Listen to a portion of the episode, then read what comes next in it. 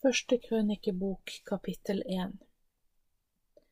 Adams slekt fra Sett til Abraham. Adam, Sett, Enosh, Kenan, Mahalel, Jared, Henok, Metushale og Lamek. Noah fikk sønnene Sem, Kam og Jafet, og Jafets sønner var Gomer, Magog, Madai, Javan, Tubal, Mashek og Tiras. Gomers sønner var Ashkenaz, Difa, Difat og Togarma. Javons sønner var Elisha, Tarsis, Kittim og Rodanim. Kams sønner var Kush, Misraim, Put og Kanan. Kush sønner var Seba, Havila, Sapta, Rama og Sapteka. Ramas sønner var Saba og Dedan. Kush ble far til Nimrod. Han begynte å bli en mektig mann på jorden. Misraim ble stamfar til Ludim, Anamim, Lehabim, Naftukim, Patrusim og Kaslukim. For ham kom filisterne og kaftorene. Kanans første sønn het Sidon, deretter kom Het, jebusittene, amorittene, girgashittene, hevittene, arkittene og sinittene, avadittene, semarittene og hamatittene. Sems sønner var Elam, Asur, Arpakshad, Lud, Aram, Us, Hul, Geter og Meshek. Arpakshad ble far til Sjela, og Sjela fikk Eber. Eber fikk to sønner, den ene het Peleg, som betyr deling, for i hans dager ble menneskene spredt rundt på jorden. Broren hans het Joktan. Joktan ble far til Almodad, Sjelef, Hassar Mavet, Jerak, Hadoram, Usal, Dikla, Ebal, Abimael, Saba, Ofir, Havilla og Jobab. Alle disse var sønner av Joktan. Sem, Arpakshad, Shela, Eber, Peleg, Reu, Serug, Nakor, Tara og Abram, som er Abraham. Abrahams slekt Abrahams sønner var Isak og Ismael. Dette er slektene etter Ismael. Hans førstefødte var Nebajot, så kom Kedar, Adbeel, Mibsam, Mishma, Duma, Massa, Hadad, Tema, Jetur, Nafish og Kedma. Disse var Israels, Ismaels etterkommere. Ketura var en av Abrahams koner. Hun fikk sønnene Simran, Yukshan, Medan, Midian, Jishbak og Shua. Yukshans sønner var Saba og Dedan. Midians sønner var Efa, Efer, Hanok, Abida og Eldaa. Alle disse var Keturas barn.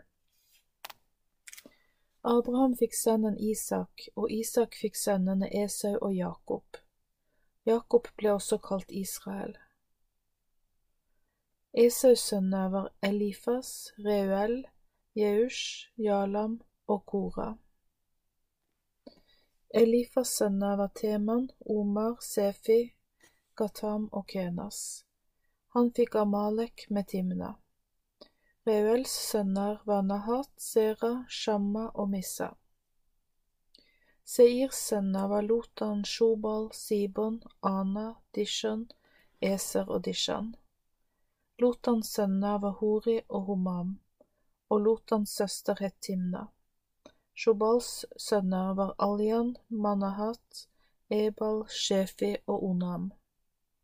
Sibons sønner var Aya og Ana. Anas sønn var Dishon. Dishons sønner var Hamran. Eshban, Jitran og Keran. Esas sønner var Bilhan, Saavan og Jaakan. Dishans sønner var Us og Aran.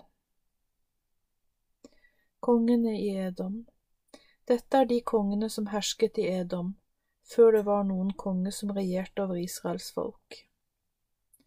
Den første kongen var Bela, Beors sønn. Navnet på byen hans var Dinaba. Da Bela døde, ble Jobab sønn av Sera fra Bosra konge etter ham. Da Jobab døde, ble Husham fra temanittenes land konge. Da Husham døde, ble Hadad, Bedads sønn, konge i hans sted. Det var han som slo midjanittene på Moabsletten. Navnet på byen hans var Avit. Da Hadad døde, ble Samla fra Masreka konge etter ham. Da Samla døde, ble Saul fra Rehobot ved elven Eufrat konge. Da Saul døde, ble Baal Hanan, Akbors sønn, konge etter ham. Da Baal Hanan døde, ble Hadad konge. Navnet på byen hans var Pau. Kona hans het Mehetabel, og hun var datter av Matred, som var datter av Mesahab. Edom hadde høvdinger, og navnene på disse var Timna, Alja, Jetet, Oholibama, Ela, Pinon, Kenas, Teman, Mibsar, Magdiel og Iram. Alle disse var Edoms høvdinger. Første krønikebok to Israels slekt Jakobs sønner var Ruben, Simeon, Levi, Juda, Isakar, Sebulon, Dan, Josef, Benjamin, Naftali, Gad og Asher. Fra Juda til David Judas sønner var Er, Onan og Sjela. Disse tre fikk han med kanonerkvinnen, hun som var datter av Sjua. Judas eldste sønn gjorde onde handlinger, derfor ble han drept. Tamar, hans svigerdatter, ga Judas sønnesønnene Peres og Sera. Til sammen hadde Juda fem mannlige etterkommere. Peres sønner var Hesron og Hamul. Sera fikk de fem sønnene Simri, Etan, Heman, Kalkol og Darda. Karmis sønn var Akar. Han var en plage for Jakob. Han brøt reglene og gjorde slikt som var bannlyst. Etans sønn var Asarja.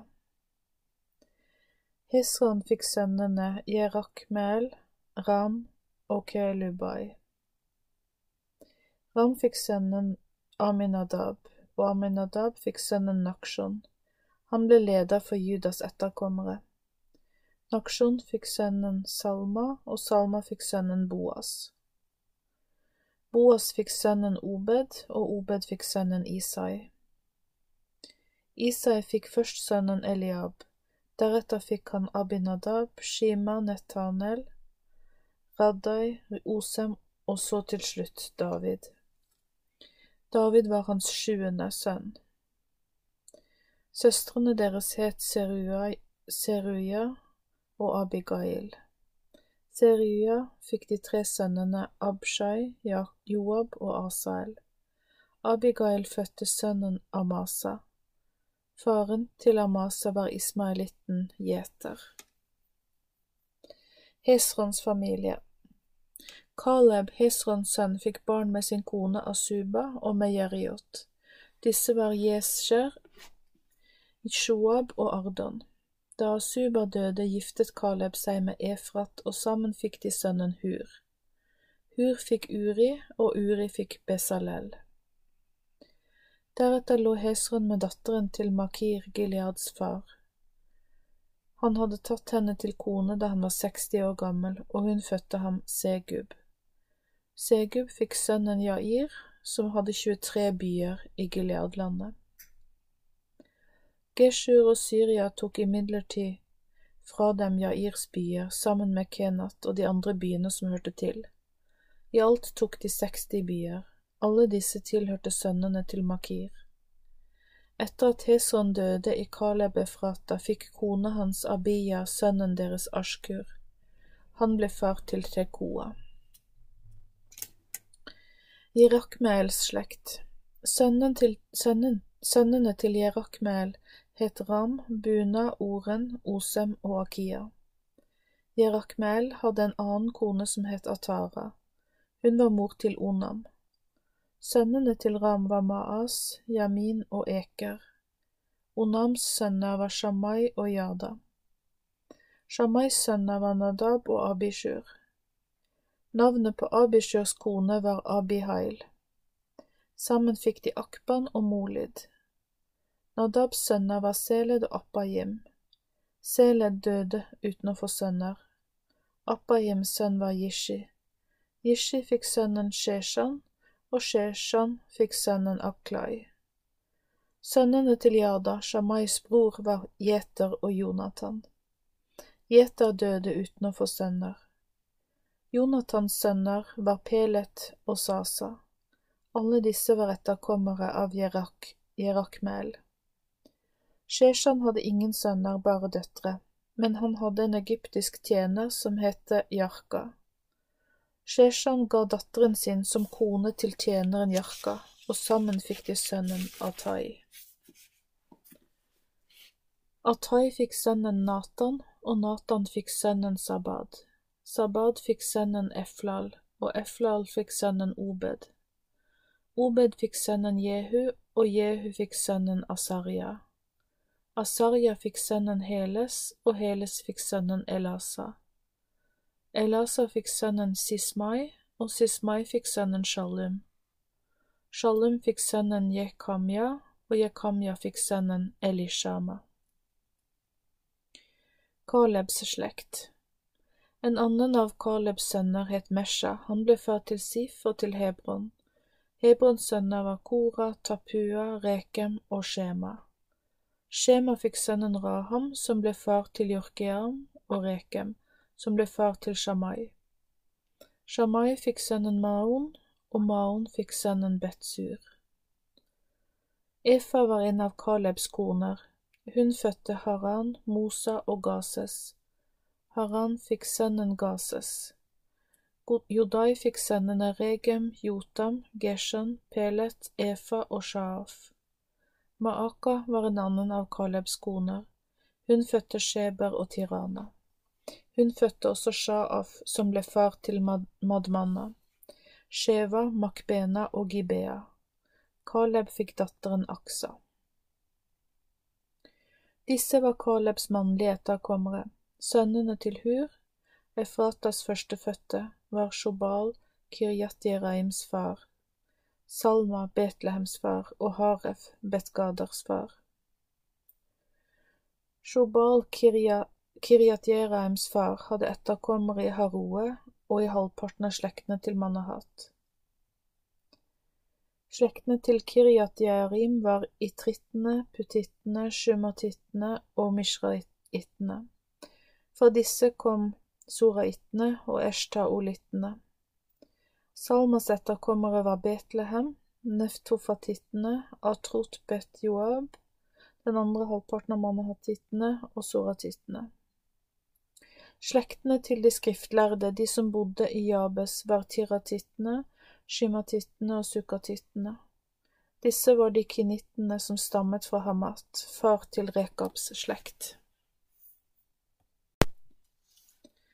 Første krønikebok tre Davids slekt Dette var Davids sønner som ble født i Hebron.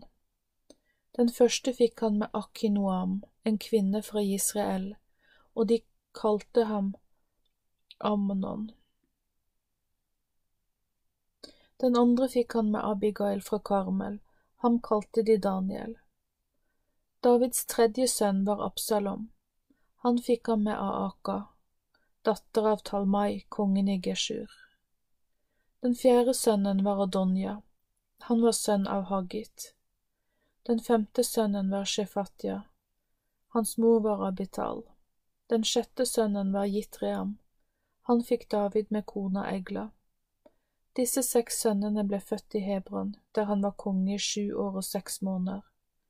Etter det var han konge i Jerusalem i 33 år.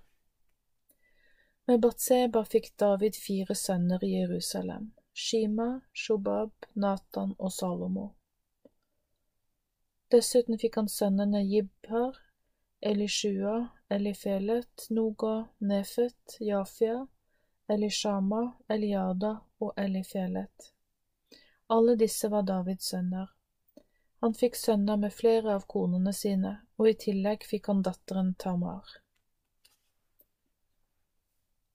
Salomos slekt Salomo fikk sønnen Rehabeam. Han igjen fikk sønnen Abia, som igjen fikk sønnen Asa. Asa fikk Josjafat, og Josjafat fikk Joram, som igjen fikk Akasha. Han fikk sønnen Joas, som fikk sønnen Amasha. Amasha fikk sønnen Asarja, som fikk sønnen Jotam. Jotam fikk Ahas, og han fikk Hiskia. Hiskia fikk sønnen Manasseh. Han fikk Amon, som fikk Joshia. Joshia fikk først sønnen Johanan, deretter fikk han Jojakim, så kom Sidkia. Den fjerde sønnen hans het Shalum. Jojakim fikk sønnene Jekonja og Sidkia. Jekonjas slekt Jekonjas fikk sønnene Asir, Shealtiel, Malrikam, Malkiram, Pedaya, Shenassar, Jekamya, Hoshama og Nedabya. Pedayas sønner fikk sønnene Serubabel og Shimi. Serubabels sønner var Meshulam og Hananya. Han fikk også en datter som het Shelomit. Meshulam fikk sønnene Hashuba, Ohel, Berekya, Hasadya og Yushab Hesed. Hananyas sønner var Pelatia og Jesaja. Ellers var de mannlige etterkommerne etter Refaya disse, Arnan, Obadia og Shekanya. Shekanya fikk sønnen Shemaya, som igjen fikk seks sønner, Hattush, Jigal, Barjak, Nearya og Shafat. Nearyas sønner var Elioenai, Hiskia og Asrikam. Elioenais fikk sju sønner, Hodavia, El Eliashib, Pelaya, Akub, Johanan, Delaya og Anani. Første krønikebok fire Judas slekt Juda fikk sønnene Peres, Hesron, Karmi, Hur og Shobal. Shobal fikk sønnen Reaya, som igjen fikk sønnen Jahat. Jahat fikk sønnene Ahumai og Lahad. Dette var soratittenes slekter. Brødrene til Etam var Israel, Jishma og Yidbash. Søsteren deres het Haslep Haslelponi. Penuel var far til Gedor, og Esau var Hushas far. Disse var sønnene til Hur, den førstefødte til Efrata, Betlehems far. Ashkur var far til Tekoa. Ashkur hadde to koner som het Hela og Naara. Sammen med Naara fikk Ashkur sønnene Ahusam, Hefer, Temeni og Ahashtari. Hela fikk sønnene Seret, Jishar og Etnan. Kos ble far til Anub, Hasobeba og slektene til Aharkel, Harums sønn. Jabes fikk mer ære enn brødrene sine. Moren hans ga ham navnet Jabes, som betyr han forårsaket smerte, fordi fødselen hadde vært svært smertefull. Jabes ba til Israels Gud og sa, Å, om du bare ville velsigne meg og utvide grensene mine, være med meg med din kraft og holde meg borte fra det som er ondt, så jeg kan unngå smerte. Og Gud ga ham det han hadde bedt om. Kelub, Sjuas mor, fikk sønnen Mehir. Mehir ble far til Eshton. Eshton fikk sønnene Betrafa, Paseak og Tehinna. Tehinna ble Irna Kashas far. Disse var Rekas menn. Kenas fikk sønnene Otniel og Seraya. Otniel fikk sønnene Hatat og Meonatai. Meonotai fikk sønnen Ofra, mens Seraya fikk Joab. Joab ble, forf ble forfar til håndverkerne i håndverkernes dal. Jefunne fikk sønnen Kaleb, og Kaleb fikk sønnene Ir, Ela og Naam. Ela fikk sønnen Kenas. Jehalels sønner var Sif, Saf, Sifa, Tirja og Asrael. Esras sønner var Jeter, Mered, Efer og Jalon. Mereds kone fødte Miriam, Shamai og Jishbak. Jishbak ble far til Etsjemoa. Kona hans fikk Jehudia. Kona hans Jehudia fikk sønnen Jered, som ble far til Gedor, Heber, som ble far til Soko, og Jekutiel, som ble far til Sanoa. Dette var sønnen til Bitja, faraos datter, som Mered hadde giftet seg med. Sønnene til Hodias kone Nahams søster ble stamfedrene til garmitten Keila og maakatitten Eshtemoa.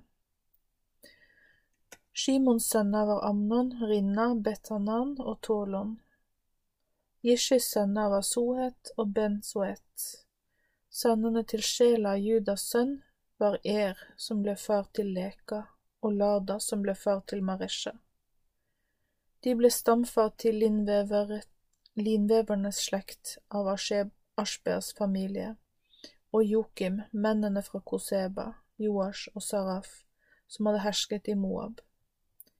De var også stamfar til Yashubi, Lekem. Disse slektslistene er gamle. Pottemakerne bodde i Netaim og Gedera. Der bodde de hos kongen for å tjenestegjøre hos ham.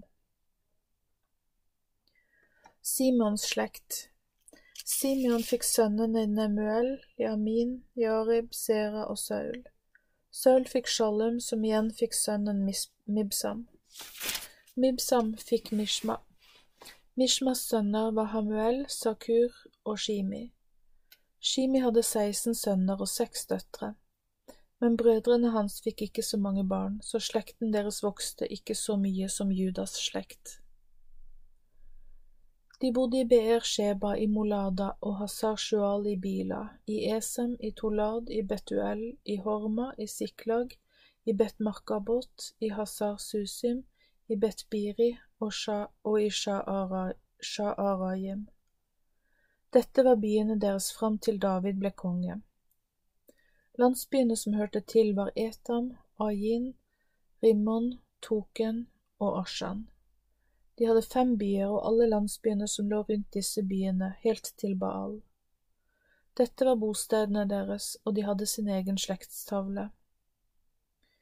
Meshobab, Jamlek og Josha Amashas sønn, Joel og Jehu, sønn av Joshibia, sønn av Seraya, sønn av Asiel, Elionenai, Jaakoba, Jeshuahaya, Asaya, Adiel, Jesimiel, Benaya, Sisa, sønn av Shifi, sønn av Allon, sønn av Jedaya, sønn av Shimri, sønn av Shemaya.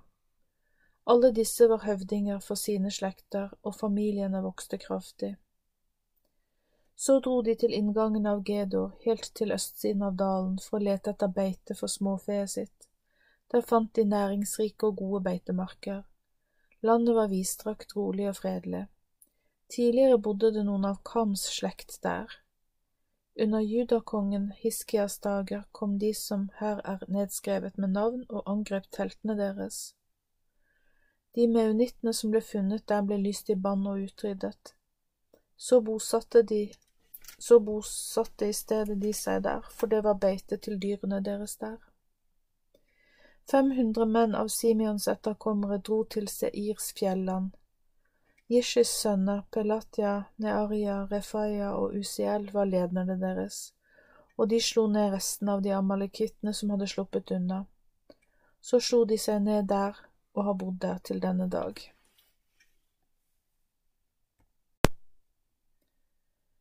Første krønikebok fem Rubens slekt Dette er sønnene til Ruben, Jakobs førstefødte. Ruben mistet førstefødselsretten fordi han lå med sin fars kone. Dermed ble denne retten gitt til Josef. Slektstavlen er derfor ikke nedskrevet etter den som ble født først. Juda ble den mektigste blant brødrene sine, og Messias skulle komme fra ham, selv om førstefødselsretten tilhørte Josef. Sønnene til Ruben var Hanok, Pallu, Hesron og Karmi.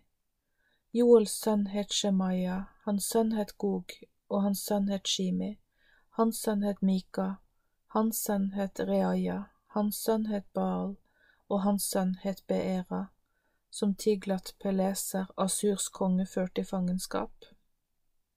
Han var høvding for rubenittene. Dette var brødrene hans, slekt for slekt, da slektstavlene for slektsleddene deres ble nedskrevet. Overhodet Jeiel, Zakaria og Bela, sønn av Asas, sønn av Shema, sønn av Joel. De bodde i Aroer, helt til Nebo og Baal-Meon. Mot øst slo de seg ned helt til ørkenen på denne siden av elven Eufrat, for buskapen deres hadde vokst kraftig i Gileadlandet. I Sauls dager gikk de til kamp mot hagrittene og drepte dem. De ble boende i teltene deres over hele området øst for Gilead. Gads slekt Gads sønner bodde rett overfor dem i landet Basan, helt til Salka. Joel var lederen deres. Deretter kom Shafan, så Janai og Safat i Basan. Deres brødre var Mikael, Meshulam, Sheba, Jorai, Jakan, Sia og Eber. Disse var sønnene til Abihail, sønn av Huri, sønn av Jaroa, sønn av Gilead, sønn av Mikael, sønn av Yeshiai, sønn av Jakto, sønn av Bus. Aki, sønn av Abdiel, sønn av Guni, var overhodet for slekten deres. Disse gardittene bodde i Gilead, i Basan, og i de landsbyene som hørte til, og omkring alt i fellesarealet i Saron, innenfor grensene deres. Alle disse ble nedskrevet i slektstavler i judakongen Jotams dager og i israelskongen Jeroboams dager. Rubens etterkommere var gadittene og halvparten av Manasses stamme. Etterkommerne hans hadde 44 760 menn som var i stand til å bære skjold og sverd og skyte med bue. De var dyktige krigere som dro ut i krig, og de gikk til kamp mot hagrittene, Jetur, Nafish og Nodab. De fikk hjelp mot dem og vant over hagrittene. Krigerne som vant, ba inderlig til Gud mens de kjempet, og de ble bønnhørt fordi de stolte på ham. Så tok de med seg alle dyrene deres, de hadde 50 000 kameler, 250 000 sauer og 2000 esler i tillegg til de 100 000 menneskene som hadde overlevd krigen. Mange hadde blitt drept fordi det var Guds kamp, siden ble de boende der helt til den dagen de ble bortført. Manasses slekt Halvparten av Manasses stamme bodde i landet. De utbredde seg fra Basan til Baal Hermon, Senir og Hermonfjellet. Lederne for slekten deres var Efer, Jishi, Eliel, Asriel, Jeremia, Hadovia og Jaktiel. De var mektige krigere og ledere for sin slekt, men de var ikke trofaste mot Herren deres Gud, og de drev hor med de gudene som folket tilba i de landområdene som Gud hadde latt dem vinne over.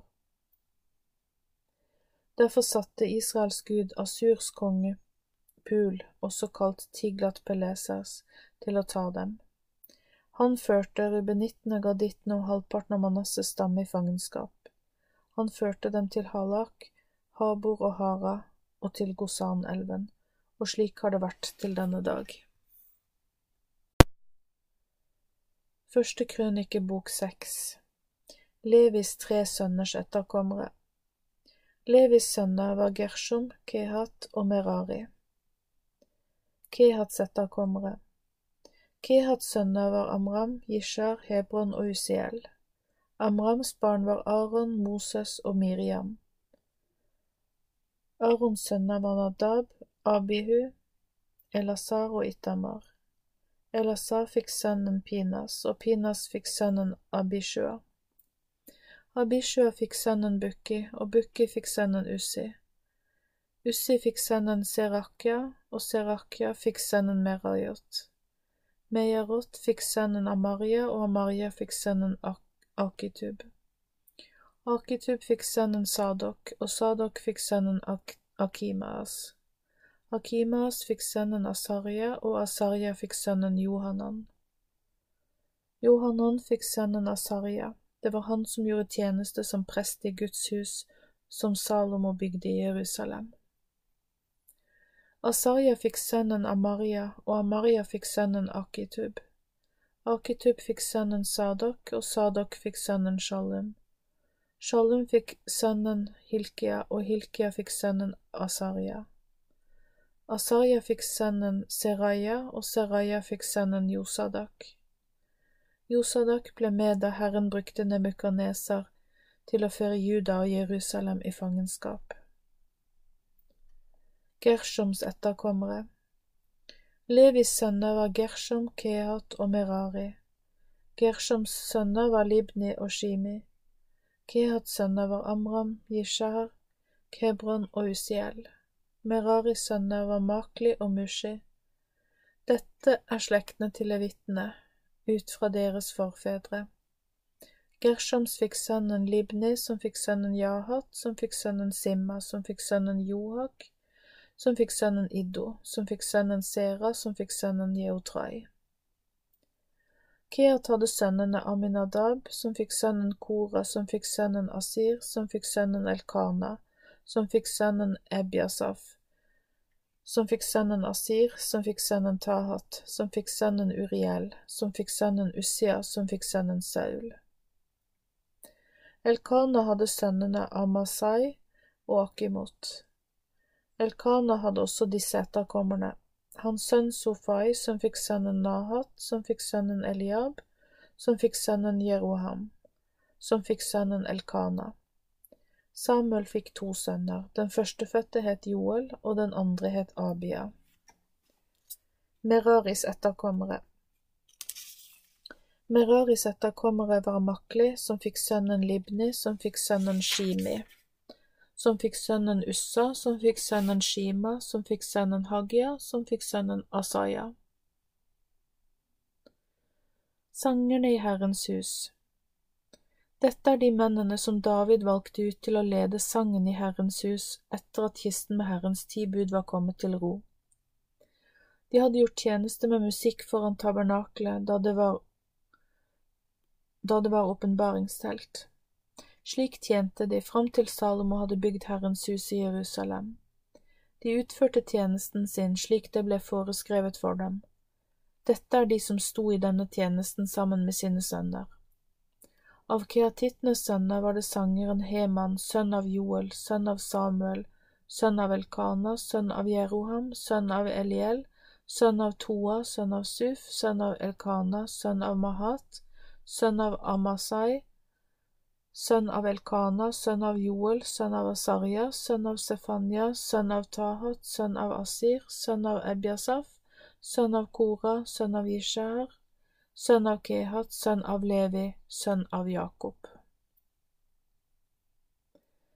Asaf var også av Levis stamme. Han var Hamans høyre hånd. Asaf var sønn av Berekya, sønn av Shima, sønn av Mikal, sønn av Baas, Baaseia, sønn av Malkia, sønn av Etni, sønn av Sera, sønn av Adaya, sønn av Etan, sønn av Simma, sønn av Shimi, sønn av Jahat, sønn av Gershom, sønn av Levi. Deres medhjelpere av Levis stamme var Meraris etterkommere. De sto ved Hemans venstre hånd. Det var Etan, sønn av Kishi, sønn av Abdi, sønn av Malik, sønn av Hashaba, sønn av Amasha, sønn av Hilkia, sønn av Amsi, sønn av Bani, sønn av Shemer, sønn av Makli, sønn av Mushi, sønn av Merari, sønn av Levi. Levitene ble pekt ut til å gjøre all slags tjeneste i tabernakelet, Guds hus. Arons slekt men Aron og hans sønner skulle ta vare på tjenesten som skulle gjøres inne i det aller helligste. De bar fram offer på brennofferalteret og på røkofferalteret. De skulle gjøre soning for Israels synder, nøyaktig slik som Moses hadde påbudt. Aron fikk sønnen Elasar, som fikk sønnen Pinas, som fikk sønnen Abishua, som fikk sønnen Bukki, som fikk sønnen Ussi, som fikk sønnen Serakia, som fikk sønnen Merayot, som fikk sønnen Amaria, som fikk sønnen Akitub, som fikk sønnen Sadok, som fikk sønnen Akimaas. Levittenes bosteder Dette er stedene der levittene bodde, hvor de slo seg ned. Ved loddkasting ble disse stedene gitt til Arons sønner av kehatittenes slekt. De ga dem tilfluktsbyen Hebron i Judalandet med beitemarkene. Men marken i byen og de landsbyene som hørte til, ga de Kaleb, Jefunnes sønn. Arons etterkommere fikk byene Hebron, Libna, Jatir, Eshtemoa, Hilen, Debir, Ashan og Bet-Shemesh. De fikk dessuten de beitemarkene som hørte til disse byene. Fra Benjamin fikk levittene Geba, Alemet og Anatot med de tilhørende beitemarkene. Til de andre av karens etterkommere som hørte til stammens slekt, ga de ved loddkasting ti byer fra halvparten av Manasses stamme. Til Gershoms etterkommere ga de 13 byer fra Isakars stamme, fra Ashers stamme, fra Naftalis stamme og fra Manasses stamme i Basan. Meraris etterkommere og slekt fikk ved loddkasting tolv byer fra Rubens stamme, Gads stamme og fra Sebulons stamme. Slik ga Israels folk levitene disse byene med beitemarkene som hørte til. Byene fikk de fra Judas stamme, fra Simons stamme og fra Benjamins stamme. De andre slektene blant Kehats sønner fikk byer fra Efraims stamme som sine landområder. De ga dem en av tilfluktsbyene, Sikhem i Efraims fjelland. Geser, Jokmeam, Bethoron, Ayalon og Gatrimon med tilhørende beitemarker. For halvparten av Manasses stamme fikk de byene Aner og Biliam med de tilhørende beitemarkene. Gershoms etterkommere fikk disse byene fra den andre halvparten av Manasses stamme, Golan i Basan og Ashtarot med tilhørende beitemarker. Fra Isakars stamme fikk de Kedesh, Daberat, Ramon og Anem med de tilhørende beitemarkene. Fra Ashers stamme fikk Gershoms etterkommere Mashal, Abdon, Hukok og Rehob med de tilhørende beitemarkene. Fra Naftalis stamme fikk de Kedesh i Galilea, Hammon og Kirjatim med de tilhørende beitemarkene. Meraris etterkommere fikk resten av Rimon og Tabor med de tilhørende beitemarkene fra Sebulons stamme. På den andre siden av Jordan, rett overfor Jeriko på østsiden av Jordan, fikk de fra Rubens stamme, Beser i ødemarken, Yasha, Kedemot og Mefat med de tilhørende beitemarkene fra Gads stamme fikk de Ramot i Gilead, Mahan Mahanayim, Heshbon og Yaser med de tilhørende beitemarkene. Første krønikebok sju Isakars slekt Isakars fire sønner var Tola, Pua, Yashub og Shimron. Tolas sønner var Ussi, Refaya, Jeriel, Jakmai, Jibsam og Samuel. De var overhoder for Tolas familier, og de var mektige krigere. I Davids dager var tallet på dem 22 600. Ussis sønn var Israkia. Israkia hadde sønnene Mikael, Obadia, Joel og Jishia, og alle fem var ledere. Sammen med dem, ut fra slektslisten og ut fra deres fedreslekter, var det 36 000 stridsdyktige soldater, for de hadde mange koner og barn. Brødrene deres i alle Isakas slekter var også mektige krigere. Ifølge slektsregisteret var de i alt 87 000 mann. Benjamins slekt Benjamins tre sønner var Bela, Beker og Jedial. Belas fem sønner var Esbon, Ussi, Ussiel, Jerimot og Iri. De var ledere i sin slekt. I deres slektsregister var det 22 034 mektige krigere. Bekers sønner var Semira, Joash, Elieser, Elionai, Omri, Jeremot, Abia, Anatot og Alemet. De ble nedskrevet i slektstavlen ut fra slektslister som overhoder for sine slekter. Den utgjorde 22 200 mektige krigere. Jedials sønn var Bilan. Bilans sønner var Jeush, Benjamin, Ehud, Keanan, Kenana, Setan, Tarsis og Akishahar. Alle disse var sønner av Jedial og ledere i sine slekter. Det var 17 200 mektige, kampklare krigere som var klare til å dra ut med hæren. Shuppim og Huppim var Irs sønner, Hushim var sønn av Aker. Naftalis slekt Naftalis sønner var Jaksiel, Guni, Jeser og Shalum. De var sønner av Bila. Manasses slekt Dette var Manasses sønner. Hans syriske kone fødte ham Makir, som ble far til Gilead, som ble far til Asriel. Makir giftet seg med søsteren til Huppim og Shupim. Søsteren hans, hans het Maaka. Den andre het Selofad, men Selofad fikk bare døtre. Maaka, Makirs kone, fødte en sønn, og hun kalte ham Peres. Broren hans het Sheresh, og han fikk sønnene Ulam og Rekem. Ulams sønn var Bedan. Disse var sønnene til Gilead, sønnesønn av Manasseh. Gileads søster Hamoleket fødte Ishod, Abieser og Makla. Shemidas sønner var Akian, Sikem, Liki og Anyam. Efraims slekt Efraims etterkommere var Shutelak, hans sønn var Bered, hans sønn var Tahat, hans sønn var Elada, hans sønn var Taham og hans sønn var Sabad. Hans sønner var Shutelak, Eser og Elad. De ble drept av mennene fra Gat da de kom for å røve husdyrene fra de innfødte. Da sørget faren deres Efraim i mange dager, og brødrene hans kom for å trøste ham. Senere lå han igjen med kona si, og hun ble gravid. Hun fødte en sønn som de kalte Beria, som betyr ulykke fordi en ulykke hadde rammet familien hans. Berias datter var Sheera, som bygde nedre og øvre Bethoron og Ussen Sheera. Sønnene hans var Refa og Reshef. Reshef fikk Tela, han fikk sønnen Tahan, som fikk sønnen Ladan, som fikk Amihud, som fikk Elishama, som fikk Nun, som fikk Josva. Deres eiendom og stedene der de bodde var Betel og de landsbyene som hørte til. Mot øst var det Naaran, mot vest Geser og de landsbyene som hørte til, og Sikhem og de landsbyene som hørte til, helt til Aya og de landsbyene som hørte til. Ved grensene til Manasses folk var Betsjean og de landsbyene som hørte til, Tanak og de landsbyene som hørte til, Megiddo og de landsbyene som hørte til, Dor og de landsbyene som hørte til. I disse bodde etterkommerne til Josef, Jakobs sønn. Aschers slekt Aschers fikk sønnene Jimna, Jishva, Jishvi, Beria og datteren Sera. Berias sønner var Heber og Malkiel, som var far til Birsayit. Heber fikk sønnene Jaflet, Sjomer, Hotam og datteren Shua.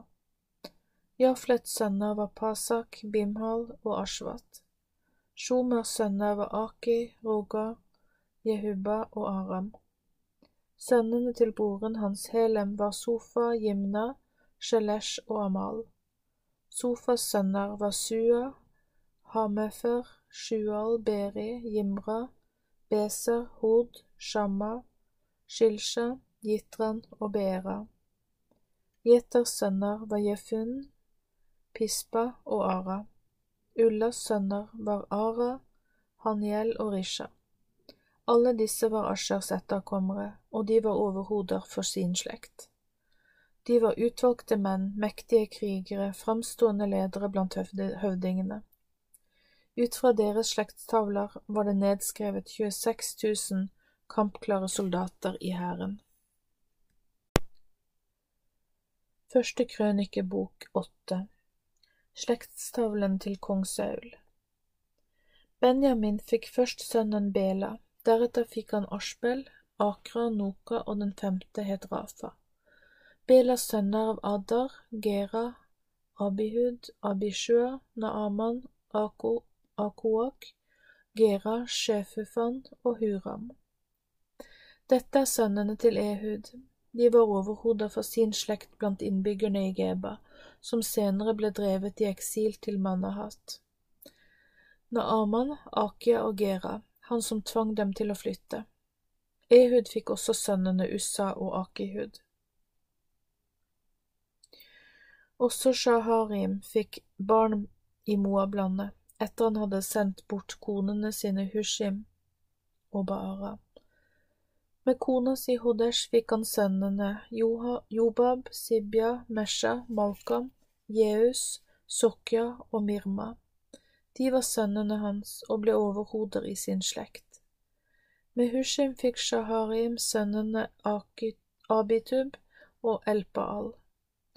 Elpaals sønner var Eber, Misham og Shemer, som bygde Ono og Lod med de landsbyene som hørte til. Beria og Shema var overhoder blant Ayalons innbyggere, det var de som drev ut dem som bodde i Gat.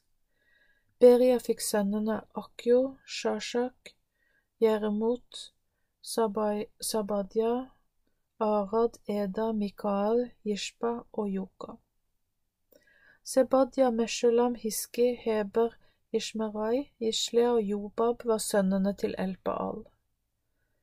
Joakim, Sikri, Sabdi, Elienai, Siletai, Eliel, Adaya, Beraya og Shimrat var sønnene til Shimi. Ishpan, Eber, Eliel, Abdon, Sikri, Hanan, Hananya, Elam, Antotia, Gifteia og Peniel var sønnene til Shashak. Shamsherai, Sheraya, Atalia, Yaariesha, Elia og Sikri var sønnene til Jeroam. Disse var overhoder i sine slekter, de var fremstående menn og bodde i Jerusalem. Far til Gibeon bodde i Gibeon, kona hans med het Maka, og den første sønnen hans het Abdon. Deretter fikk han Sur, Kish, Baal, Nadab, Gedor, Akio, Seker og Miklot som fikk Shima. De bodde også rett overfor brødrene sine i Jerusalem. Ner fikk sønnen Kish, Kish fikk sønnen Saul, og Saul fikk sønnen Jonathan, Malkeshua, Abinadab og Eshbaal. Jonathans sønn var Meria, Meribaal, og Meribaal fikk sønnen Mika. Mika fikk Piton, Malek, Terea og Ahas. Ahas fikk sønnen Joada, Joadda fikk Alemet, Asmavet og Simri. Simri fikk Mosa, Mosa fikk sønnen Bina, som fikk sønnen Rafa, som fikk sønnen Elasa, som fikk sønnen Asel. Asel hadde seks sønner, Asrikam, Bokeru, Ismael, Sheraya, Obadja og Hanan. Broren hans Esek fikk først sønnen Ulam, deretter fikk han Jeush og Elifelet. Ulams sønner var mektige krigere og dyktige bueskyttere. De hadde i alt 150 sønner og sønnesønner, og alle disse var Benjamins etterkommere. Første krønikebok ni Slik ble hele Israel nedskrevet i slektslister i boken om Israels konger. Men Juda ble bortført til Babel på grunn av sine synder. De første som bosatte seg på eiendommene og i byene deres var vanlige israelitter, prester, levitter og tempeltjenere. De som bodde i Jerusalem I Jerusalem bodde noen av Judas, Benjamins, Efraims og Manasses etterkommere. Utai, sønn av Amihud, sønn av Omri, sønn av Imri, sønn av Bani, en av sønnene til Peres, sønn av Juda. Av shilonittene var det Asaya den førstefødte og sønnene hans. Av Seras sønner var det Jeuel og deres brødre, de var 690. Av Benjamins sønner var det Sallu, sønn av Meshulam, sønn av Hodavia, sønn av Hasenua, Jibnaya, sønn av Jeroam, Ela, Ela, sønn av Ussi, sønn av Mikri, Meshulam, sønn av Shefatya, sønn av Reuel, sønn av Jibna, og deres brødre. Disse utgjorde 956. Alle disse mennene var overhoder i sin slekt.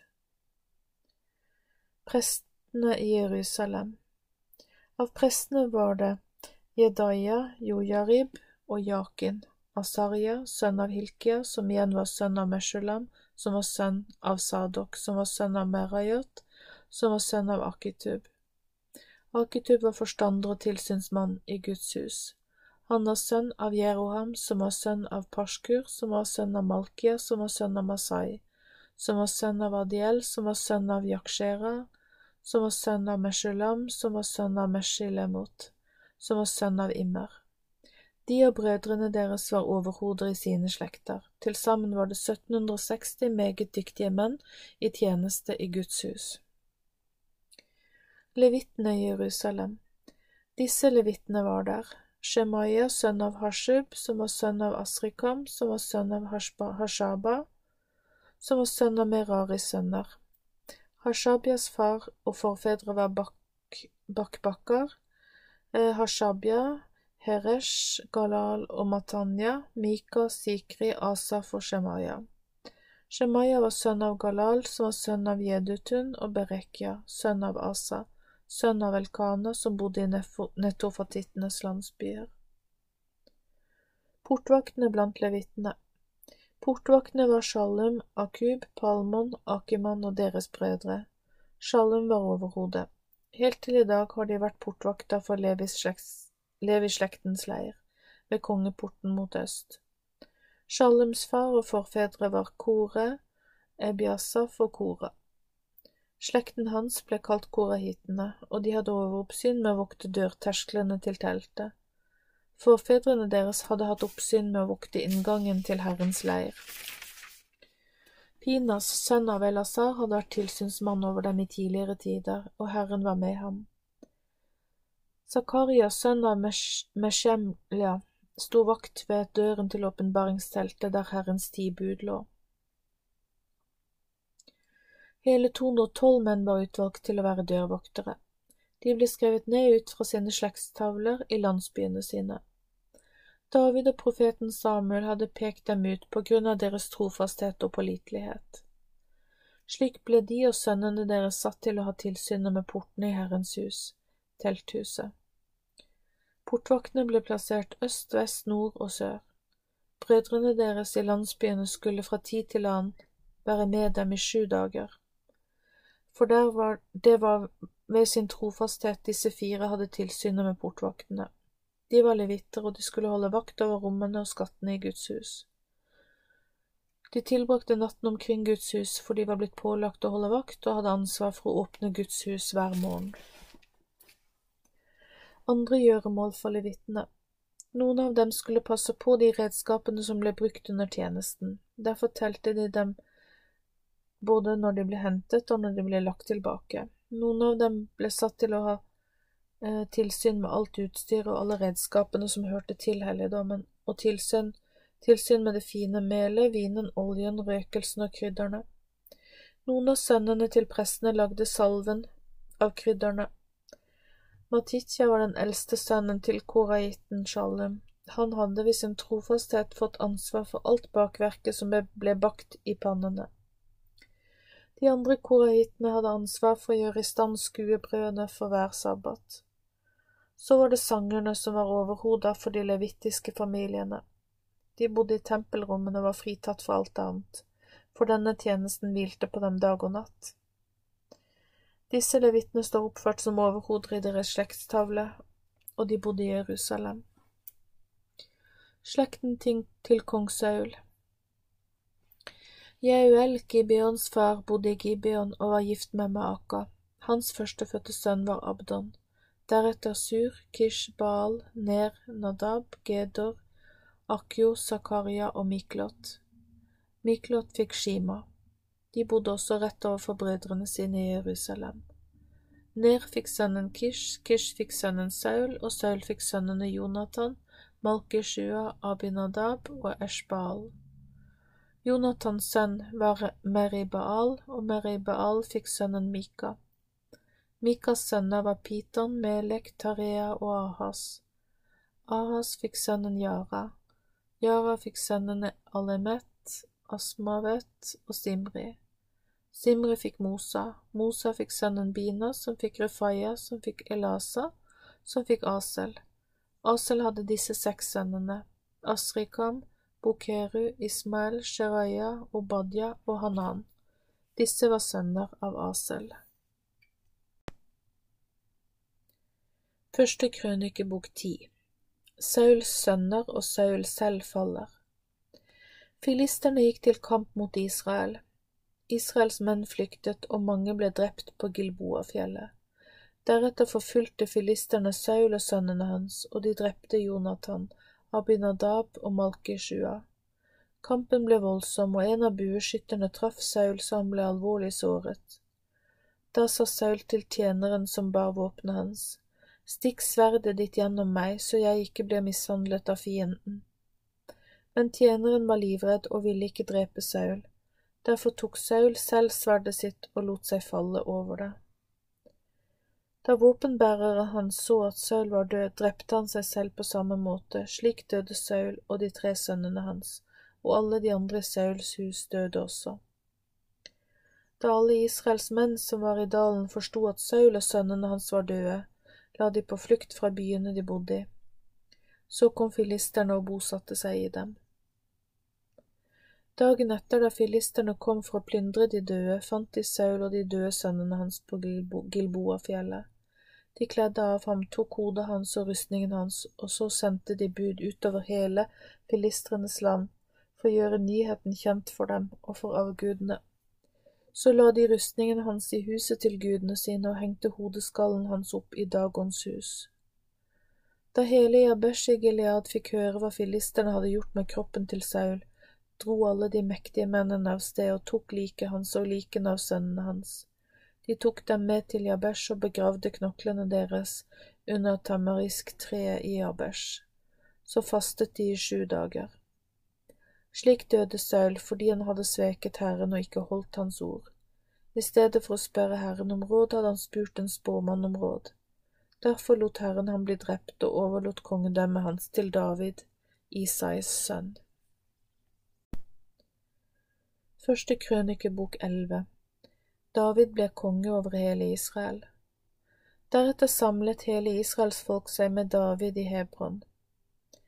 Folket sa, sannelig, vi er av samme kjøtt og blod.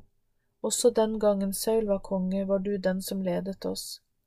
Herren din Gud sa til deg at du skulle være hyrde for hans folk Israel.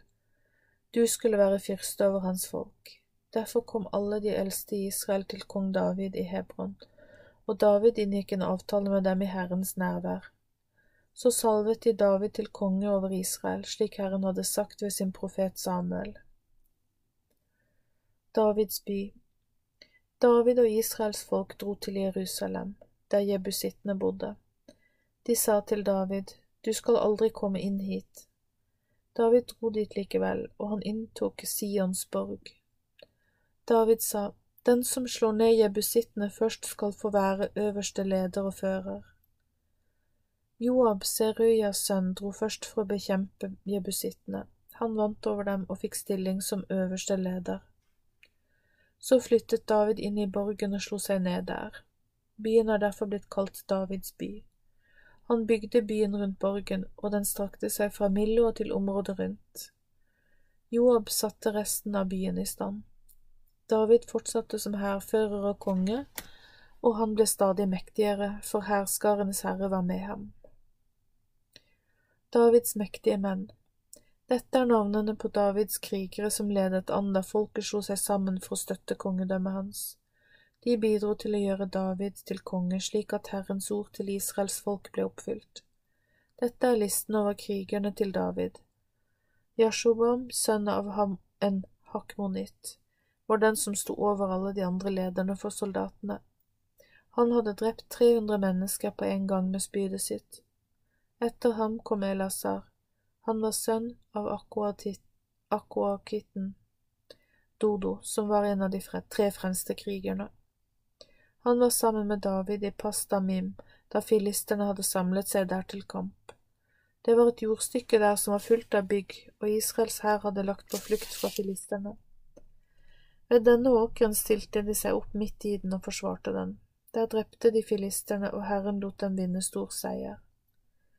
Tre av de tretti lederne satte livet på spill for å hente drikke til David fra Betlehem.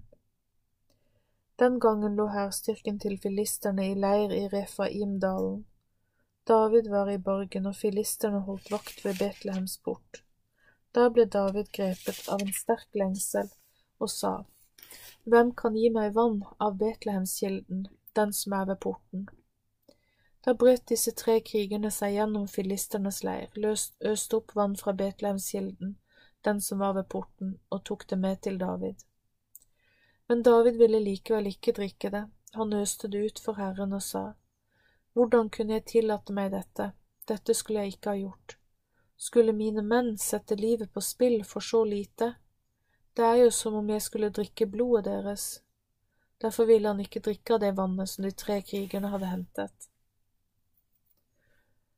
Joab hadde en bror som het Abshai. Han var også leder for 30 soldater. Han hadde også drept 300 menn med spydet sitt, og slik hadde han vunnet respekt blant soldatene. Han ble lederen deres og fikk større ære enn de andre. Men han var likevel ikke blant de aller fremste av lederne. Benaya Jojadas sønn var også en mektig mann. Han var fra Kapseel og hadde utført mange heltedåder. Han hadde drept to løvehelter fra Moab. På en dag da det snødd, hadde han også gått ned og drept en løve midt i en brønn. Han hadde også drept en to og en halv meter stor egypter. Egypteren hadde hatt et enormt svært spyd.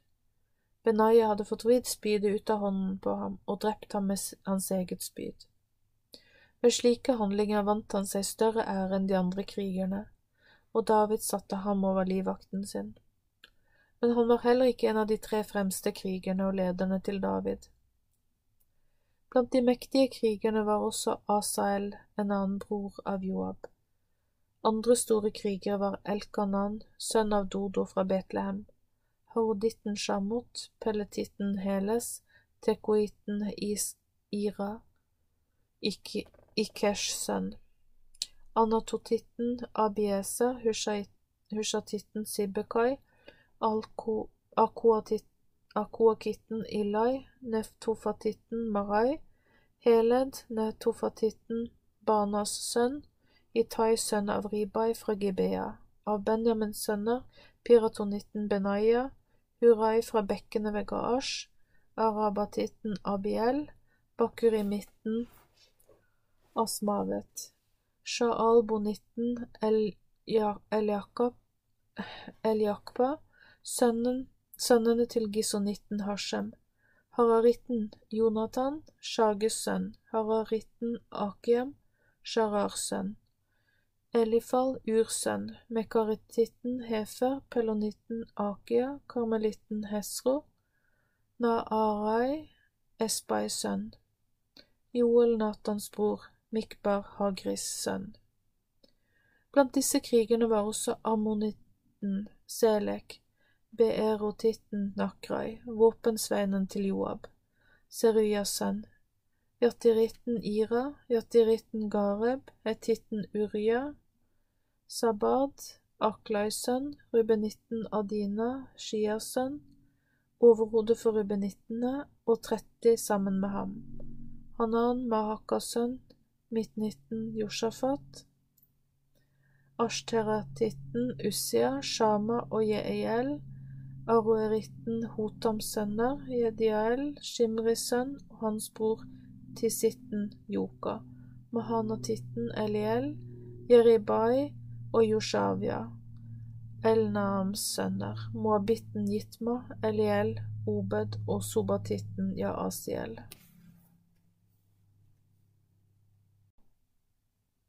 Første krønikebok tolv Davids hær vokser Dette er de som kom til David i Siklag mens han ennå måtte holde seg borte fra kong Saul. De var medhjelperne hans i krigen. De var dyktige krigere væpnet med buer, og de kunne bruke både høyre og venstre hånd til å slynge steiner. De kunne også skyte piler med buen. De var etterkommere av Benjamin, akkurat som Saul. Lederen deres var Akieser, deretter kom Joash, Gibeatitten Shemaas sønner, så Jesiel og Pelet, Asmavets sønner. Deretter kom disse lederne, Berekya, Anatotitten, Jehu og Gibeonitten Jismaya. Han var en kriger blant de 30, men var også en av lederne deres. Andre ledere var Jeremia, Jahasiel, Johanan og Gederetten Josabad, Elusai, Jerimot, Bealia, Shemaria og Harutitten Shefatya. Korahittene Elkana, Yishya, Asrael, Joeser og Yashobam og Joela og Sebadya, sønner av Jeroam fra Gedor. Noen gaditter slo seg sammen med David ved fjellborgen i ødemarken. Disse var også mektige krigere som var opplært til å krige, og de kunne håndtere skjold og spyd. Ansiktet deres var som løveansikter, og de var raske som gaseller på fjellene. Dette var lederne deres. Øverste leder var Eser, den andre var Obadja, den tredje var Eliab. Deretter kom Mishmanna, Jeremia, Atai, Eliel, Johanan, Elsabad, Jeremia og Makbanai. Disse var fra Gads sønner, og de var ledere for hæren. De var ledere over soldater i grupper på hundre og på tusen mann. Dette er de som gikk over Jordan i den første måneden da elven hadde gått over alle sine bredder. Alle som var i dalene, jaget de på flukt, både mot øst og mot vest. Så kom noen israelitter av Benjamins og Judas stammer til David mens han var ved fjellborgen. David gikk ut for å møte dem, og han sa til dem, Hvis dere har kommet til meg med fred og for å hjelpe meg, skal hjertet mitt være knyttet til dere. Men hvis det er for å forråde meg og dere ønsker å gi meg over til fiendene mine, skal våre fedres Gud se det og felle en dom over dere. Jeg har nemlig ikke gjort noe galt. Da kom Herrens ånd over Amasai, lederen deres, og han sa, Vi er dine, David, vi vil være med deg, du Isais sønn. Vi kommer med fred, fred være med deg, og fred være med dem som hjelper deg, for din Gud hjelper deg, da tok David imot dem og gjorde dem til ledere i flokken sin. Noen fra Manasses stamme gikk også over til David da han kjempet mot Saul sammen med filisterne. Men David fikk ikke hjelp av dem. De dro bort igjen etter å ha vært i samtale med filisternes ledere, for de hadde rådslått med hverandre og sagt, David er ikke til å stole på, for han kan komme til å gå over til sin herre Saul og sette oss i fare. Men da David dro til Siklag, var det likevel noen fra Manasseh som gikk over til ham. Adna, Josabad, Jedial, Mikael, Josabad, Eliu og Siletai. Disse var ledere for tusenvis av soldater. Disse mektige krigerne hjalp David mot dem som kom for å plyndre, og på denne tiden kom det hver dag flere soldater til David.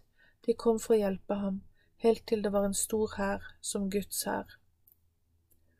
Davids hær i Hebron dette er tallet på de hæravdelingene som var rustet til krig, og som kom til David i Hebron. De ville være med å overgi Sauls kongedømme til David, slik Herren hadde sagt det skulle skje.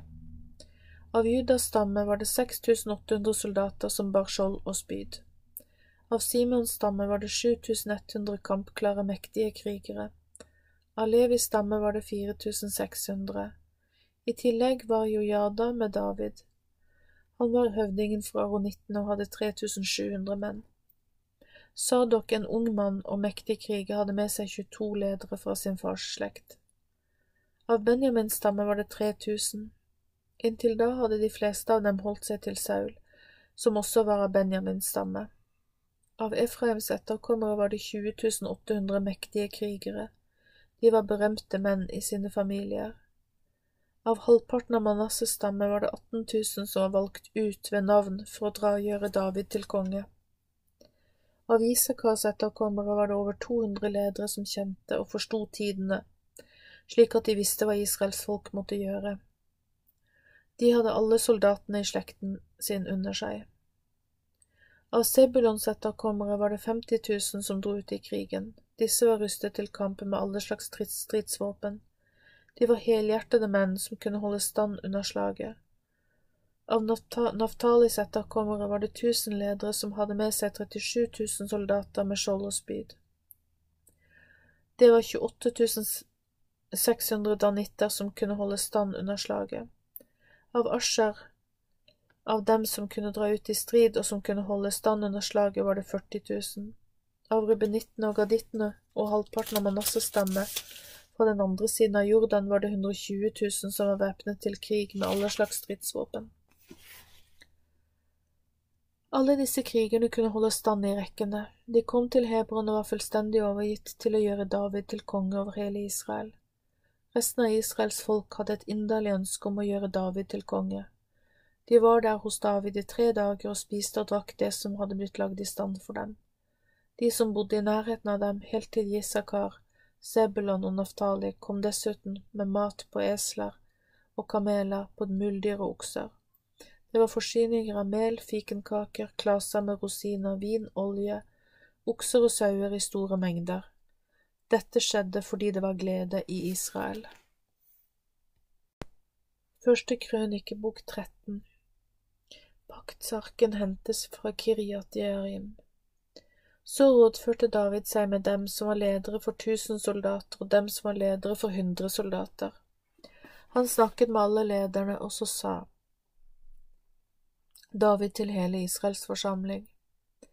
Hvis dere synes godt om dette, og hvis dette har kommet fra Herren vår Gud, så la oss sende bud til alle israelittene som er igjen i alle Israels landområder som tilhører oss også til prestene og levittene som er igjen i byene, så de kan samle seg hos oss. La oss føre kisten med vår Guds budskap tilbake hit til oss. I Sauls dager har ikke vårt folk spurt etter den.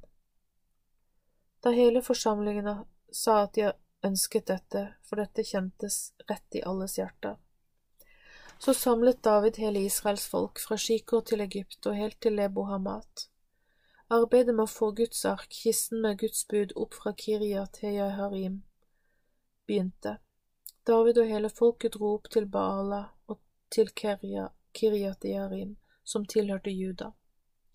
Derfor skulle de hente Herren Guds ark, kisten med Guds bud, den som Herrens navn blir ropt utover. Han som troner over de store englene. De satte Guds ark opp på en ny vogn og førte den bort fra huset til Abinadab. Ussa og Akjo kjørte vognen. David og hele Israels folk jublet av full kraft for Guds ansikt, og de sang til musikk fra lyrer, harper, tamburiner, symbler og trompeter. Men da de kom til Kidons treskeplass, strakte Ussa ut hånden for å få tak i Guds ark, kisten med Guds bud, fordi oksene snublet. Da ble Herren rasende på Ussa, og han ble slått ned og drept av Gud fordi han hadde rakt ut hånden og rørt Guds ark, kisten med Guds bud. David ble sint fordi Herren hadde straffet Ussa slik. Derfor kalte han dette stedet Peres Ussa, som betyr mot Ussa, og det heter stedet fremdeles i dag. Den dagen ble David grepet av frykt for Gud, og han sa, Hvordan skal jeg kunne ha Guds ark, kisten med Guds bud, opp hos meg? Derfor ville ikke David lenger at arken skulle fraktes til ham, og i stedet ble Guds ark, kisten med Guds bud, fraktet inn i huset til eh, gittitten Obed Edom. Der ble den stående hos familien til Obed Edom i huset hans i tre måneder. Herren velsignet Obed Edoms familie og alt han eide. Første krønikebok 14 David får hus i Jerusalem Hiram, kongen av Tyros, sendte arbeidere til David. De kom med sedertre og hadde med seg murere og tømmermenn som kom for å bygge et hus til ham. David forsto at Herren hadde valgt ham ut som konge over Israel. Kongedømmet hans var velsignet for Israels gudsfolks skyld. David tok seg enda flere koner i Jerusalem, og han fikk enda flere sønner og døtre. Dette er navnene på barna hans som ble født i Jerusalem. Shamua, Shobab, Natan, Salomo, Ibar, Elishua, Elpelet, Noga, Nefet, Jafia, Elishama, Beeliada og Elifelet. Filistene blir slått. Da filisterne hørte at David var salvet til konge over hele Israel, dro alle filisterne opp for å angripe David. Da David fikk høre det, dro han rett ut mot dem. Filisterne dro ut og plyndret Refaimdalen. David spurte Herren om råd. Skal jeg ta Skal jeg dra opp mot filisterne, vil du la meg vinne over dem? Da sa Herren til ham, Dra opp, for jeg skal gi dem til deg. Så dro de opp til Baal Perasim, og der slo David dem. Da sa David, Slik som vannet fosser fram, slik har Herren latt meg fosse gjennom rekken til mine fiender. Derfor kalte de dette stedet Baal Perasim, som betyr mester i gjennombrudd. Filistene forlot gudene sine der, men David ga befaling om at gudene skulle brennes opp. Men det var flere filistre, og igjen dro de ut for å plyndre i dalen. Derfor spurte David Gud gjennom råd, og Gud sa til ham, Du skal ikke dra opp etter dem, gå rundt dem og kom mot dem rett foran morbærtrærne. Når du hører lyden av noen som marsjerer på haugen, da skal dere slå til og gå til angrep. For Gud har dratt ut foran deg for å slå filistrenes hær. Så gjorde David som Gud hadde befalt ham, og de slo ned hæren til filisterne, fra Gibeon og helt bort til Geser. Davids navn ble viden kjent utover i alle land, og Herren lot alle folkeslagene frykte ham. Første krønikebok 15 Guds bud fraktes til Jerusalem. David bygde et hus til seg selv i Jerusalem, og stedet ble kalt Davids by. Han gjorde i stand et sted for Guds ark, kisten med Guds bud, og han reiste et telt til den. Så sa David, Ingen andre enn levittene, prestestammen, skal bære Guds ark, kisten med Guds bud, for Herren har valgt dem ut til å bære den og til å gjøre tjeneste for ham til evig tid.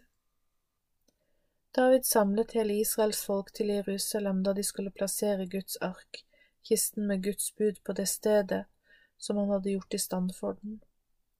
Så samlet David Arons barn og levittene.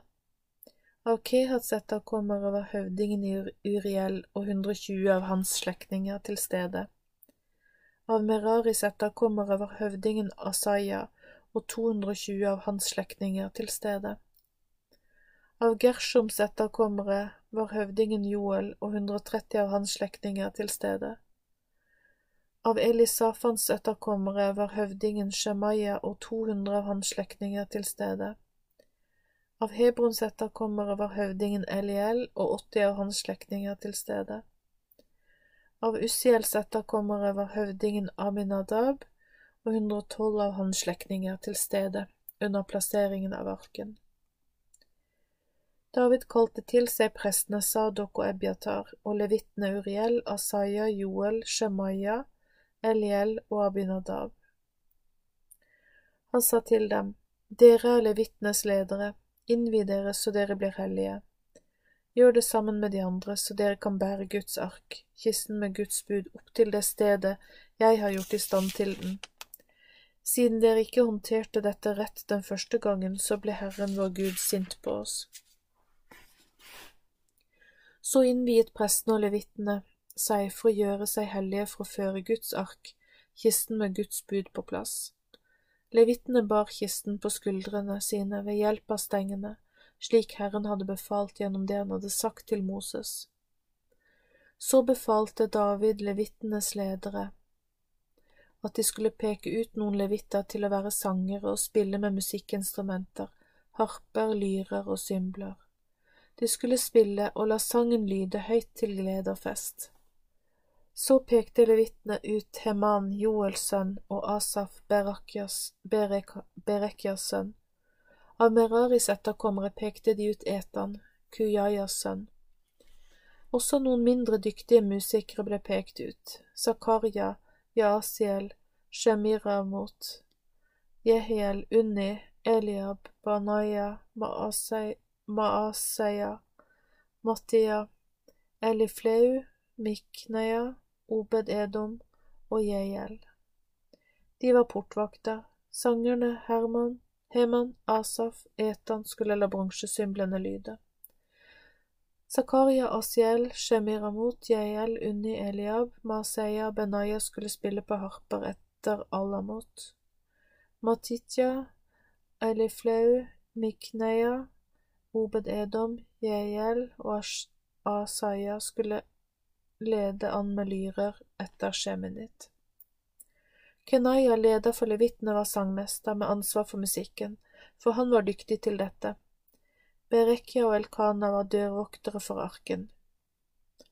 Prestene Shebania, Yoshafat, Netanel, Amasai, Zakaria, Benaya og Elies Elieser skulle blåse i trompet foran Guds ark, kisten med Guds bud i. Obed Edom og Jehia var dørvoktere for arken. Så dro David, de eldste i Israel og førerne for tusen av sted for å føre Herrens paktsark opp fra huset til Obed Edom med glede. Fordi Herren hjalp levitene som bar Herrens paktsark, ofret de sju okser og sju værer. Det var også levitene som bar arken, sangeren og sangmesteren Kenanya, som ledet sangerne. David hadde også på seg en prestekjortel av lin. Slik førte hele Israels folk Herrens ark opp med gledesrop og gledestoner fra basun, trompeter og symbler, mens de spilte på harper og lyrer. Da dette opptoget kom inn i Jerusalem, så Davids kone Mikael, hun som var Sauls datter, ut gjennom vinduet. Hun fikk se kong David danse omkring og leke, og da foraktet hun ham.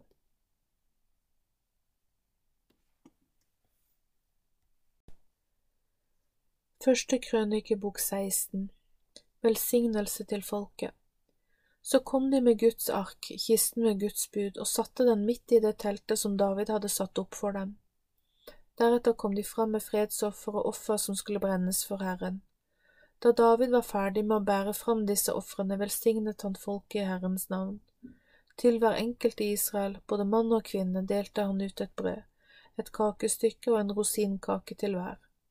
Han pekte også ut noen av levitene til å gjøre tjeneste foran Herrens ark, kisten med Guds bud, for å minnes Herrens godhet, for å takke og for å prise Herren Israels Gud. Asaf ledet an, etter ham kom Zakaria, så Jeiel, Shemiramot, Jeiel, Matitya, Elia, Benaya og Obed Edom. Jeiel hadde harper og lyrer, men Asaf lagde musikk med symbler. Prestene Benaya og Jahasiel blåste hele tiden i trompetene for en Guds ark, kisten med Guds bud.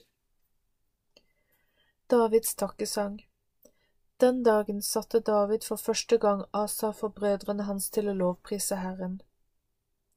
Pris Herren, påkall Hans navn, gjør det Han har gjort kjent for folkene blant oss.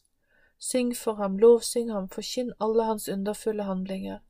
Gled dere over at dere kjenner Hans hellige navn måtte de som søker Herren få glede i hjertet. Søk Herren og Hans styrke, søk alltid Hans ansikt, husk de fantastiske handlingene Han har gjort, de undre og de dommene Han har felt, dere som er Israels folk, Hans utvalgte folk og slekt, ja, dere som er Jakobs etterkommere. Han er Herren vår Gud, over hele jorden bestemmer Han, husk den avtalen Han har inngått med oss til evig tid de løfter han ga som skulle vare i tusen generasjoner. Glem ikke den avtalen han inngikk med Abraham og med Isak, den loven han slo fast som han hadde gitt til Jakob, som en evig pakt for Israels folk, da Herren sa, Jeg vil gi dere Kanans land, landet skal dere arve av meg. Da var dere et lite antall fremmede i dette landet, dere flakket omkring fra et folk til et annet, fra et rike til et annet. Men Herren lot ingen få undertrykke dere. Ja, han hadde konger på plass for Israels folks skyld. Herren, han satte konger på plass for Israels folks skyld. Herren sa, Rør ikke dem som jeg har velsignet, og gjør ikke mine profeter noe ondt. Syng for Herren hele jorden, forkynn evangeliet om Hans frelse, fra dag til dag. Forkynn om Hans herlighet og om Hans under blant alle folk. For Herren er stor, han er verdig å gi all pris. Han skal respekteres og fryktes mer enn alle andre guder, for alle folkenes guder er ingenting. Men Herren skapte himlene, hans ansikt er preget av prakt og majestet. Der han er, er det styrke og glede. Alle stammer og folk, gi Herren ære og makt. Gi Herren den ære som, han har, som Hans navn har krav på. Bær fram offer og kom inn i Herrens nærvær. Tilbe Herren i Hans hellighets skjønnhet.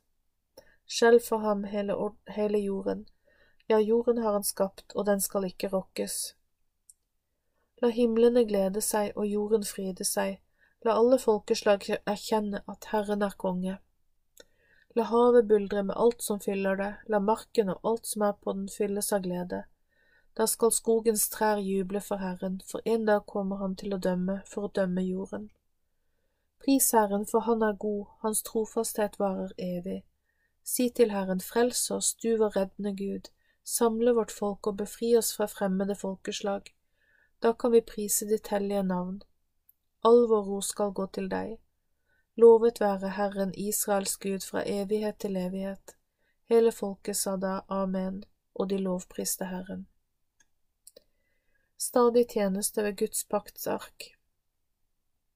Så lot David Asaf og brødrene hans være igjen der foran den hellige kisten med, Herrens bud. De skulle ha ansvaret for den. Denne dagen ble oppgavene i tempelet fordelt. Obed Edom og de mannlige slektningene hans var til sammen 68 personer. De og Hosea skulle være der som dørvoktere. Presten Sadok og mennene hans lot David stå på, den, på en høyde, Gibeon, foran Herrens tabernakel. Der skulle de stadig brenne offerdyr for Herren på alteret. Dette skulle skje både morgen og kveld for å gjøre alt det som står skrevet i Herrens lovbok, den han hadde gitt Israel. Sammen med dem var Heman og Jedutun og de andre som var valgt og pekt ut ved navn for å prise Herren fordi hans trofasthet varer evig. Heman og Jedutun skulle la trompeter og symbler lyde sammen med de andre musikkinstrumentene som hørte til Guds lovsang. Jedutuns sønner var, dør, var dørvoktere. Deretter dro hele folket bort, hver mann til sitt hus. Også David dro hjem for å ta seg av sitt eget hus.